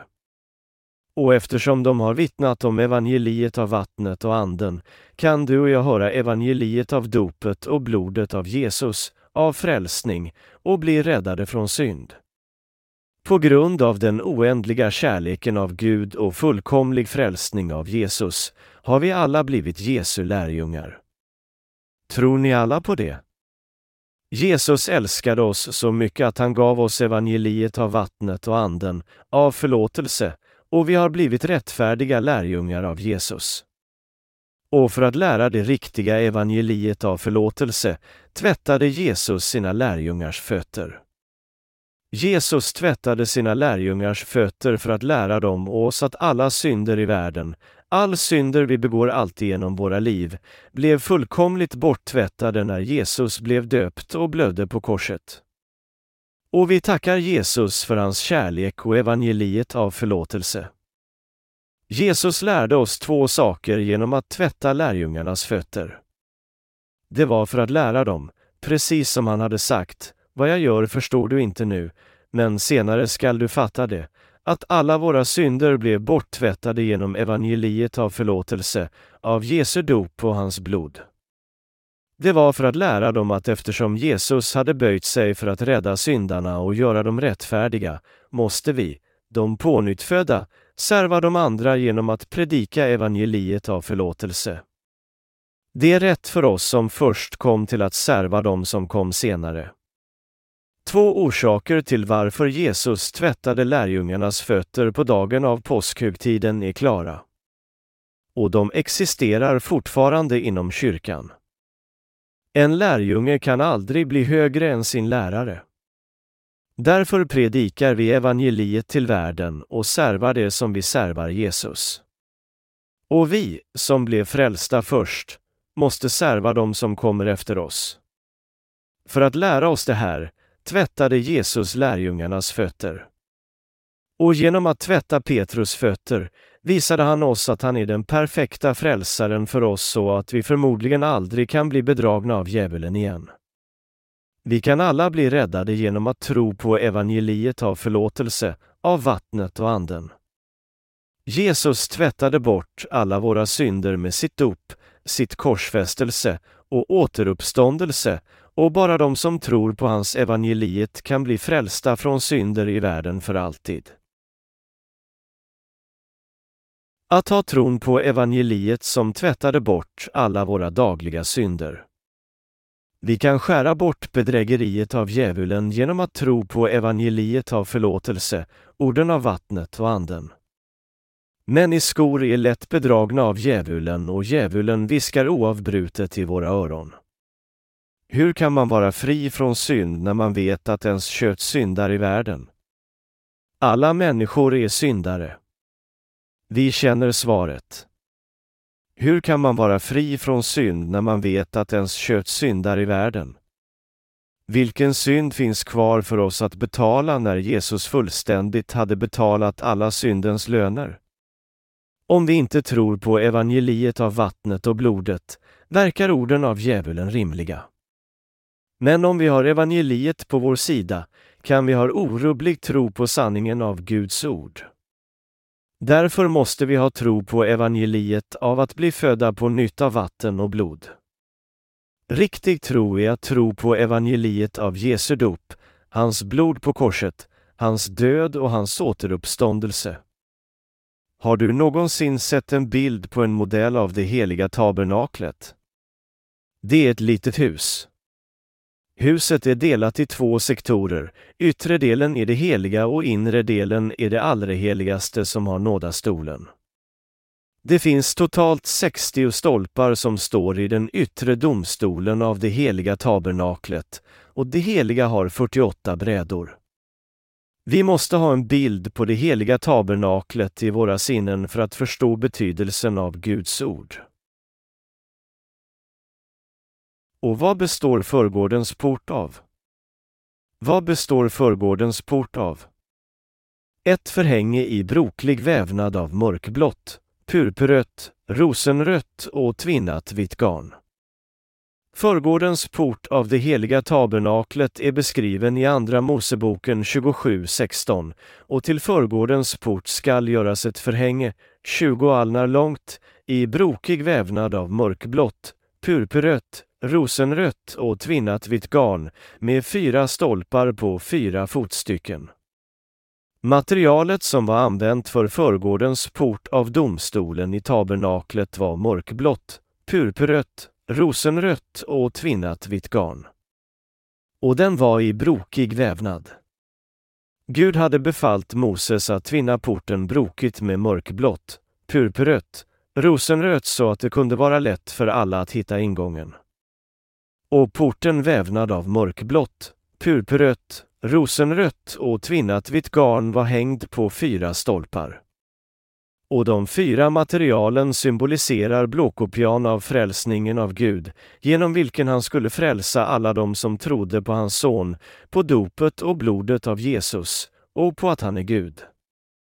Vart och ett av de material som användes för att bygga det heliga tabernaklet har en specifik betydelse och det föreställer Guds ord och hans planer att frälsa människor genom Jesus. Hur många material användes för porten av domstolen i det heliga tabernaklet? Mörkblått, purpurrött, rosenrött och tvinnat vitt garn. Och de fyra är väldigt meningsfulla för att hjälpa oss att förstärka vår tro på evangeliet av att bli födda på nytt. Om det inte var viktigt skulle den här upplysningen inte vara uppskriven i Bibeln med sådana detaljer och eftersom alla material som användes för porten av domstolen i det heliga tabernaklet och den yttre domstolen var meningsfulla delar för frälsningen som tvättade bort alla våra dagliga synder, originell synd och synderna av framtiden, blev de gjorda av mörkblått, purpurrött, rosenrött och tvinnat vitt garn. Därför uppenbarade Gud de här till Moses och sade till honom att göra exakt som han var sagd. Vad betyder mörkblått, purpurrött och rosenrött inom evangeliet av Gud? Innanför det heliga tabernaklet var mörkblått, purpurrött, rosenrött och tvinnat vitt garn använda igen för det förhänge som var hängd mellan det heliga och det allra heligaste. Och samma material var använt för galadräkten av överstesprästen som servade innanför det heliga tabernaklet. Vad symboliserar alla material använda för tabernaklet? Frälsningen av Jesus genom hans dop. Mörkblått garn symboliserar Jesu dop. I Första Petrusbrevet 3.21 står det skrivet På motsvarande sätt räddas ni nu av vattnet i dopet. Jesu dop genom vilket han tog alla synder i världen var bekräftat av Petrus i den här versen som motsvarande sätt av frälsning av försoning. Alla våra synder, alla synder i världen överlämnades på Jesus vid hans dop. Därför är mörkblått garn, dopet, den mest väsentliga delen av frälsningsord. Det praktfulla plagget som överstesprästen tog på sig kallades för efod och dräkten av efod var helt blå. Överstesprästen tog på sig en turban på vilken en skiva av äkta guld satt och en gravyr som säger Helighet till Herren. Sanningen föreställd av mörkblått garn. Jag slog upp betydelsen av mörkblått garn i Bibeln. Vad säger Bibeln om mörkblått? Vi måste förstå mörkblått garn bland mörkblått, purpurrött, rosenrött och tvinnat vitt garn. Vad symboliserar mörkblått garn? Jesu dop. Mörkblått garn betyder Jesu dop. Jesus Kristus blev döpt av Johannes döparen för att ta på sig alla synder i världen, Matteusevangeliet 3.15. Om Jesus inte hade tagit bort alla synder i världen med hans dop, kunde vi, de troende, inte ha blivit helgade inför Gud. Därför måste Jesus Kristus komma till världen och bli döpt av Johannes döparen i Jordanfloden för att ta bort alla synder i världen. Orsaken till varför det måste finnas mörkblått garn i porten av domstolen i det heliga tabernaklet var att vi inte kunde bli helgade utan Jesu dop. Rosenrött garn betydde Jesu död.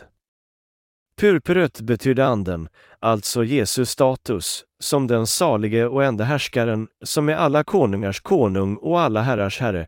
Första Timoteusbrevet 6 och 15. Rosenrött garn betydde blodet av Kristus, som blödde på korset för att betala syndens lön för alla människor.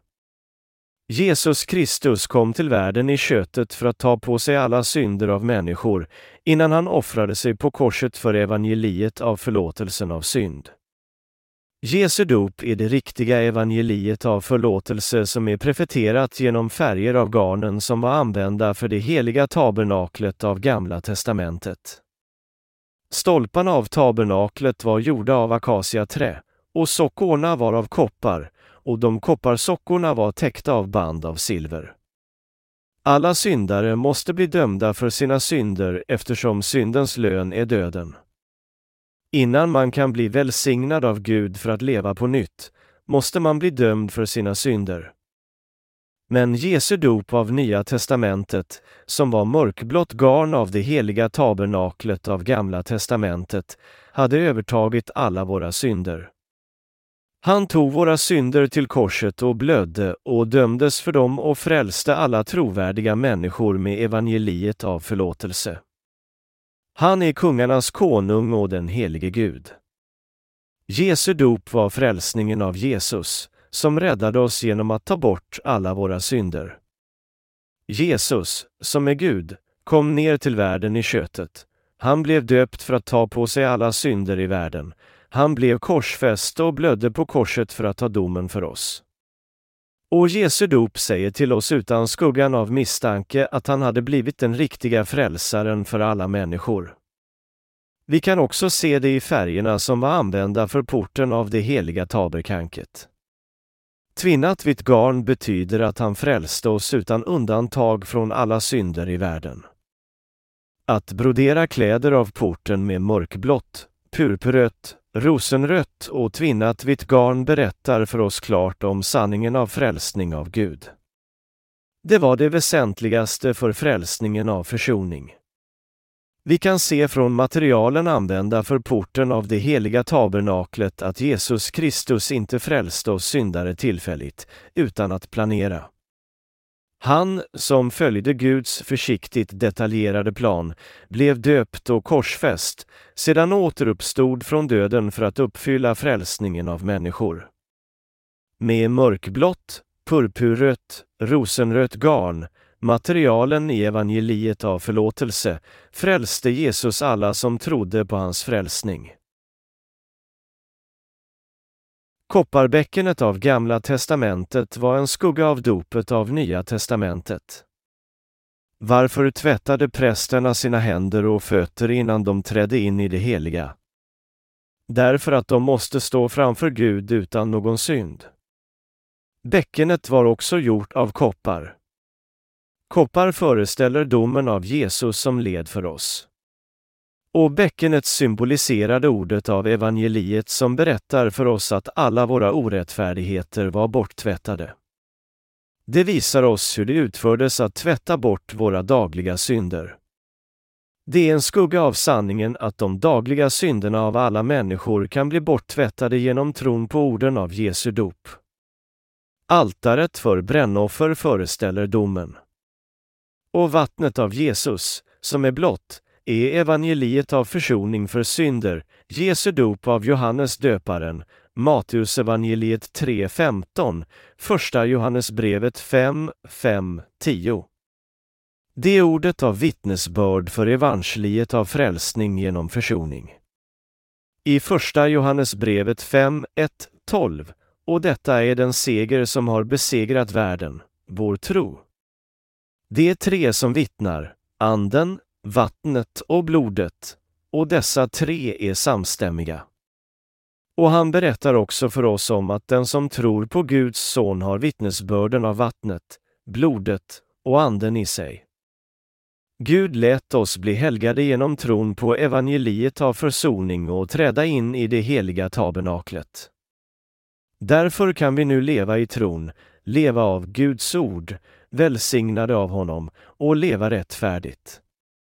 Att bli Guds folk betyder att bli frälsta genom tron på evangeliet av försoning och att leva innanför det heliga tabernaklet.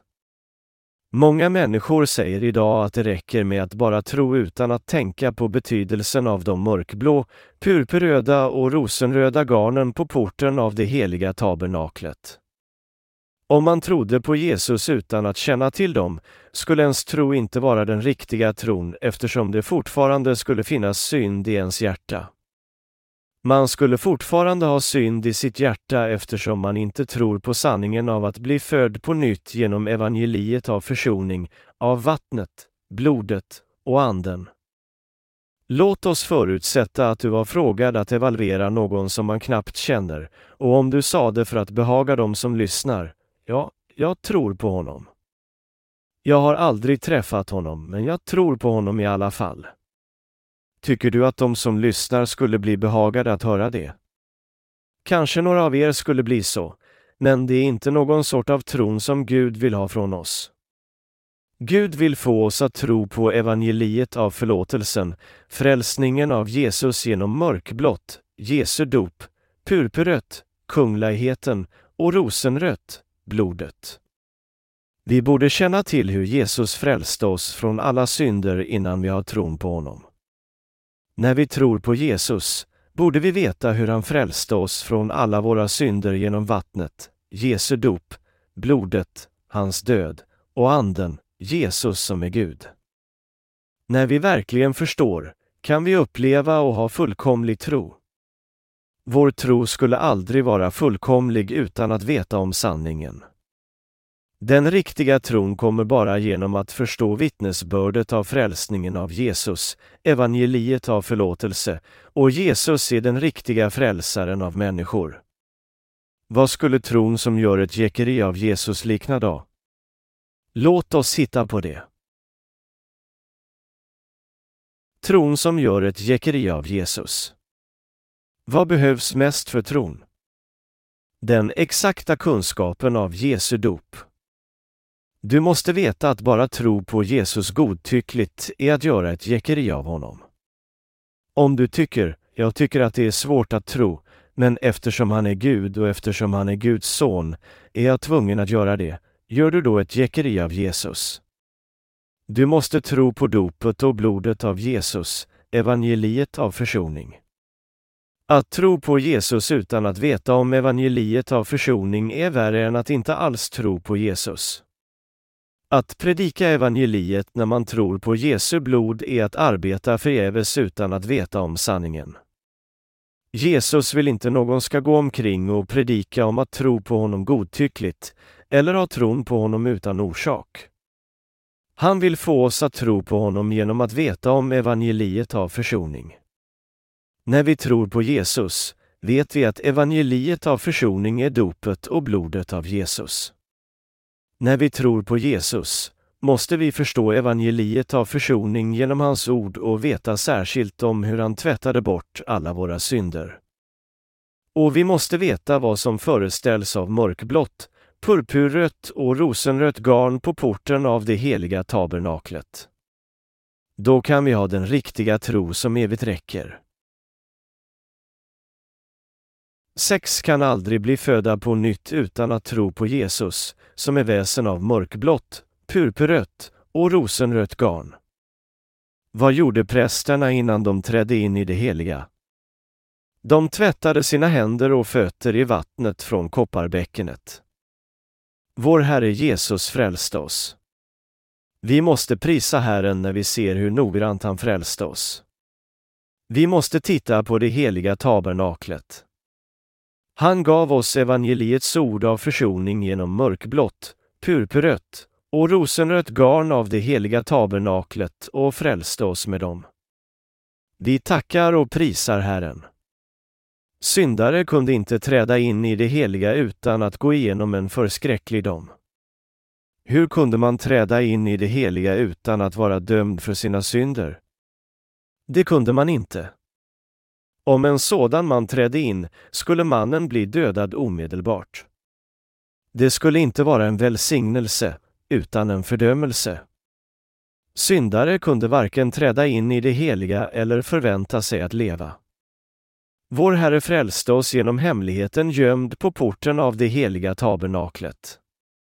Med mörkblått, purpurrött, rosenrött och tvinnat vitt garn frälste han oss. Och han berättade för oss om hemligheten av sin frälsning genom dem. Blev du och jag frälsta nu på det sättet? Om vi inte tror på orden av mörkblått, purpurrött och rosenrött garn kan det inte finnas någon frälsning genom evangeliet av försoning. Den blåa färgen betyder inte Gud. Den betyder Jesu dop. Den betyder dopet av Jesus som tog bort alla våra synder. Man kan träda in i altaret av brännoffer utan att tro på mörkblått garn. Men man kan inte träda in i den heliga plats där Gud vistas. Därför, innan vi träder in genom porten av det heliga tabernaklet, måste vi tro på mörkblått garn, Jesu dop, rosenrött garn, hans blod på korset och purpurrött garn, Jesus som är Gud och Guds son. Endast när vi tror blir vi erkända av Gud och tillåtna att träda in genom förhänget av det heligaste. Somliga träder in i den yttre domstolen av tabernaklet och tycker att de är inne. Men det är inte frälsning. Hur mycket längre in måste vi gå för att bli frälsta? Vi måste träda in i det allra heligaste. För att träda in i det allra heligaste måste vi gå igenom kopparbäckenet. Kopparbäckenet föreställer Jesu dop och vi måste tvätta bort alla våra dagliga synder med Jesu dop och bli helgade för att träda in i det heliga. I Gamla testamentet måste prästerna tvätta sig innan de trädde in och i Nya testamentet tvättade Jesus sina lärjungars fötter för att symbolisera att tvätta bort deras livslånga inkräktningar. Guds lag säger, syndens lön är döden, men Guds gåva är evigt liv i Kristus Jesus, vår Herre, Romarbrevet 6 och 23. Gud dömer synderna av människor utan undantag, men han överlämnade dem på sin son och dömde honom istället. Det här är Guds kärlek, hans frälsning. Vi når riktig frälsning bara när vi tror på evangeliet av försoning, dopet, blodet, döden och återuppståndelse av Jesus. För att bli född på nytt får man inte förakta Guds skrivna ord, evangeliet av försoningen för synder. Vad finns kvar som vi får göra? Det är att tro på Guds skrivna ord. Jag föraktar aldrig människor. När någon pratar om någonting som jag inte är van vid, ber jag honom att lära mig. Men när jag frågade mig omkring om betydelsen av det heliga tabernaklet kunde ingen förklara för mig. Vad kunde jag göra då? Jag måste återvända till Bibeln. Vad i Bibeln finns det heliga tabernakel som vi nu har pratat om? Det beskrivs i detalj i Andra Moseboken. Och om man läser boken noggrant kan man förstå dess betydelse genom Guds skrivna ord. Kära vänner, ni kan inte bli frälsta genom att tro på Jesus blint. Ni kan inte bli födda på nytt endast genom att gå till kyrkan regelbundet. Vi vet vad Jesus sade till Nikodemus. Du skall vara lärare för Israel och förstår inte det. Den som inte blir född av vatten och ande kan inte komma in i Guds rike, Johannes evangeliet 3. Alla som tror på Jesus måste tro på mörkblått garn. Alla synder i världen överlämnades på Jesus när han blev döpt. Rosenrött garn, Jesu död för alla våra synder och purpurrött garn, Jesus är frälsaren, Gud och Guds son. Vi måste tro på att Jesus är frälsaren av alla syndare i världen. Utan den här tron kan man aldrig bli född på nytt. Man kan inte heller komma in i det heliga av Guds rike utan detta. Skulle det inte vara lätt om man kunde bli född på nytt endast genom att ha tron på Jesus? Jo, du har blivit frälst. Jag har blivit frälst. Vi har alla blivit frälsta, vad bra. Men det finns så många som tror på Jesus utan att verkligen bli födda på nytt. Man måste veta sanningen i Bibeln såväl som man har tron på Jesus. Vi måste känna till evangeliet av förlåtelse för synd i Bibeln och betydelsen av mörkblått, purpurrött och rosenrött garn för att komma in i det heliga tabernaklet och vara med Gud i världen av tron. Innanför tabernaklet av tron kan vi leva lyckligt tills tiden kommer för att vi ska flytta till himmelriket. Det är väsentligt att vi vet hur vi ska tro på Jesus på det rätta sättet. Det originella evangeliet förorsakar helgelse med mörkblått garn. Vad är det oumbärliga villkoret för frälsning? Jesu dop. Ibland tror man att man kan leva fullkomligt utan att göra ett misstag. När man försöker att göra någonting ska man snart upptäcka sina brister. Man är så ofullkomlig och det är ju omöjligt för en att inte synda. Men eftersom Jesus frälste oss med det mörkblått, purpurrött och rosenrött garn, evangeliet av försoning, kan vi bli helgade och komma in i det heliga av Gud. Om Gud inte hade frälst oss med mörkblått, purpurrött och rosenrött garn skulle vi aldrig ha kunnat komma in i det heliga utan hjälp. Varför? Om de som lever av sitt kött kunde träda in skulle det inte finnas någon som är kvalificerad.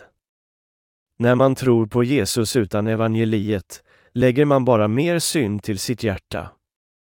Jesus frälste oss med sin noggrant planerade frälsning, frälsningen av mörkblått, purpurrött, rosenrött och tvinnat vitt garn.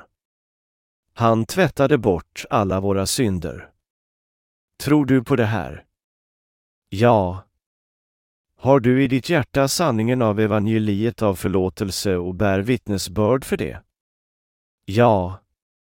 Endast när du bär vittnesbörd för evangeliet kan du ha på din panna bandet som säger Helighet till Herren och sluta dig till Kungar och präster, första Petrusbrevet 2.9. Och då kan du stå framför folk och säga till dem att du är Guds tjänare som arbetar som överstesprästen. Turbanen av överstesprästen har en skiva av guld och skivan är fastnad med blått rep. Varför blått? Eftersom Jesus frälste oss med evangeliet av förlåtelse, eftersom han tog bort alla våra synder och gjorde oss fria från synder genom sitt dop, att lägga på händerna i Gamla testamentet, dopet i Nya testamentet. Oavsett hur flitigt vi än trodde på Jesus, kunde vi få skivan ingraverad med helighet till Herren, utan de hemliga orden av mörkblått, purpurrött och rosenrött garn. Hur blev vi rättfärdiga? Det lyder i Matteusevangeliet 3.15.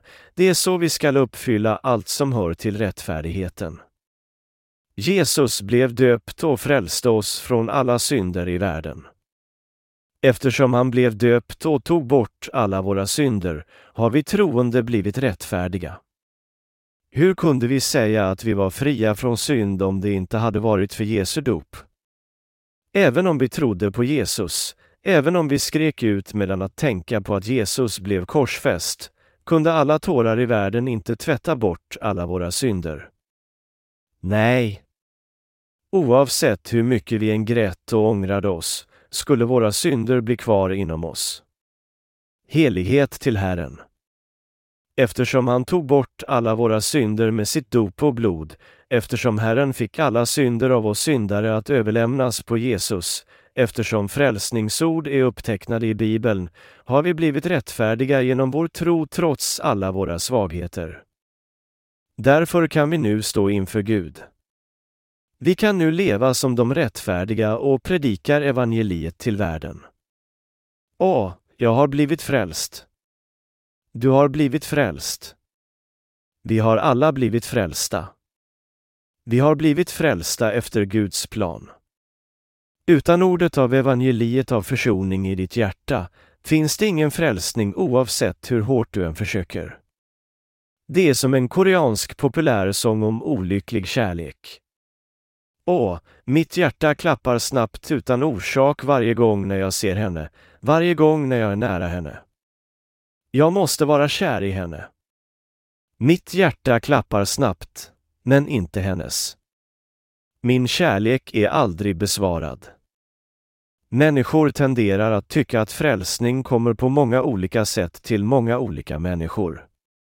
De frågar, varför måste det komma bara genom evangeliet av dopet? Om det inte kommer genom evangeliet av Jesu dop är det inte fullkomlig frälsning. Det är den enda väg genom vilken vi kan bli rättfärdiga inför Gud eftersom det är den enda väg på vilken vi kan bli fullkomligt tvättade rena från alla våra synder. Vad är frälsningen av mörkblått garn som Jesus gav oss? Vad har gjort oss rättfärdiga? Evangeliet av mörkblått, purpurrött och rosenrött garn. Frälsningen genom evangeliet av mörkblått, purpurrött och rosenrött garn är Guds present för alla människor. Och den här presenten har möjliggjort oss att komma in i det heliga tabernaklet och leva i fred. Det har gjort oss rättfärdiga. Det har gjort oss rättfärdiga och möjliggjort för oss att leva i kyrkan, för att bli tränade i de heliga orden i kyrkan. Varje gång när vi står inför Gud för att be välsignar evangeliet oss med hans kärlek. Det här är varför frälsning är så värdefull för oss. Jesus säger till oss att bygga ett hus på klippan. Och klippan är Jesu dop. Vi måste alla bli frälsta, leva med frälsning, komma till himlen, få evigt liv och bli Guds barn. Kära vänner, på grund av evangeliet av försoning kan vi komma in i det heliga tabernaklet med tron. Eftersom Jesus tog bort alla våra synder, Jesu dop och domen på korset har vi blivit frälsta genom att ha tron på evangeliet av Jesu dop. Den överflödande försoningen för alla våra synder, dopet och blodet av Jesus är evangeliet som tvättade bort alla våra synder. Tror du på det här? Det riktiga evangeliet är det himmelska evangeliet av försoning som fullkomligt tvättade bort alla våra synder. Vi har blivit födda på nytt genom att tro på evangeliet av försoning. Jesus har givit oss evangeliet av försoning som även tvättade bort alla våra dagliga synder. Prisa Herren! Halleluja! Tack till Herren! Evangeliet av vattnet och anden, evangeliet av vattnet och blodet, är det riktiga evangeliet som är sagt av Jesus Kristus. Den här boken var skriven för att uppenbara evangeliet av Jesus, evangeliet av vattnet och anden. Eftersom många människor tror på Jesus utan att veta den fullkomliga sanningen är de nu bara i den kristna teologin, den så kallad filosofiska teologin och kättri och förvirring. Därför måste vi återvända och tro på det riktiga evangeliet. Det är inte för sent ännu. Jag vill gå in i mer detaljer i andra boken för de som har frågor om evangeliet av att bli född på nytt av vatten och anden.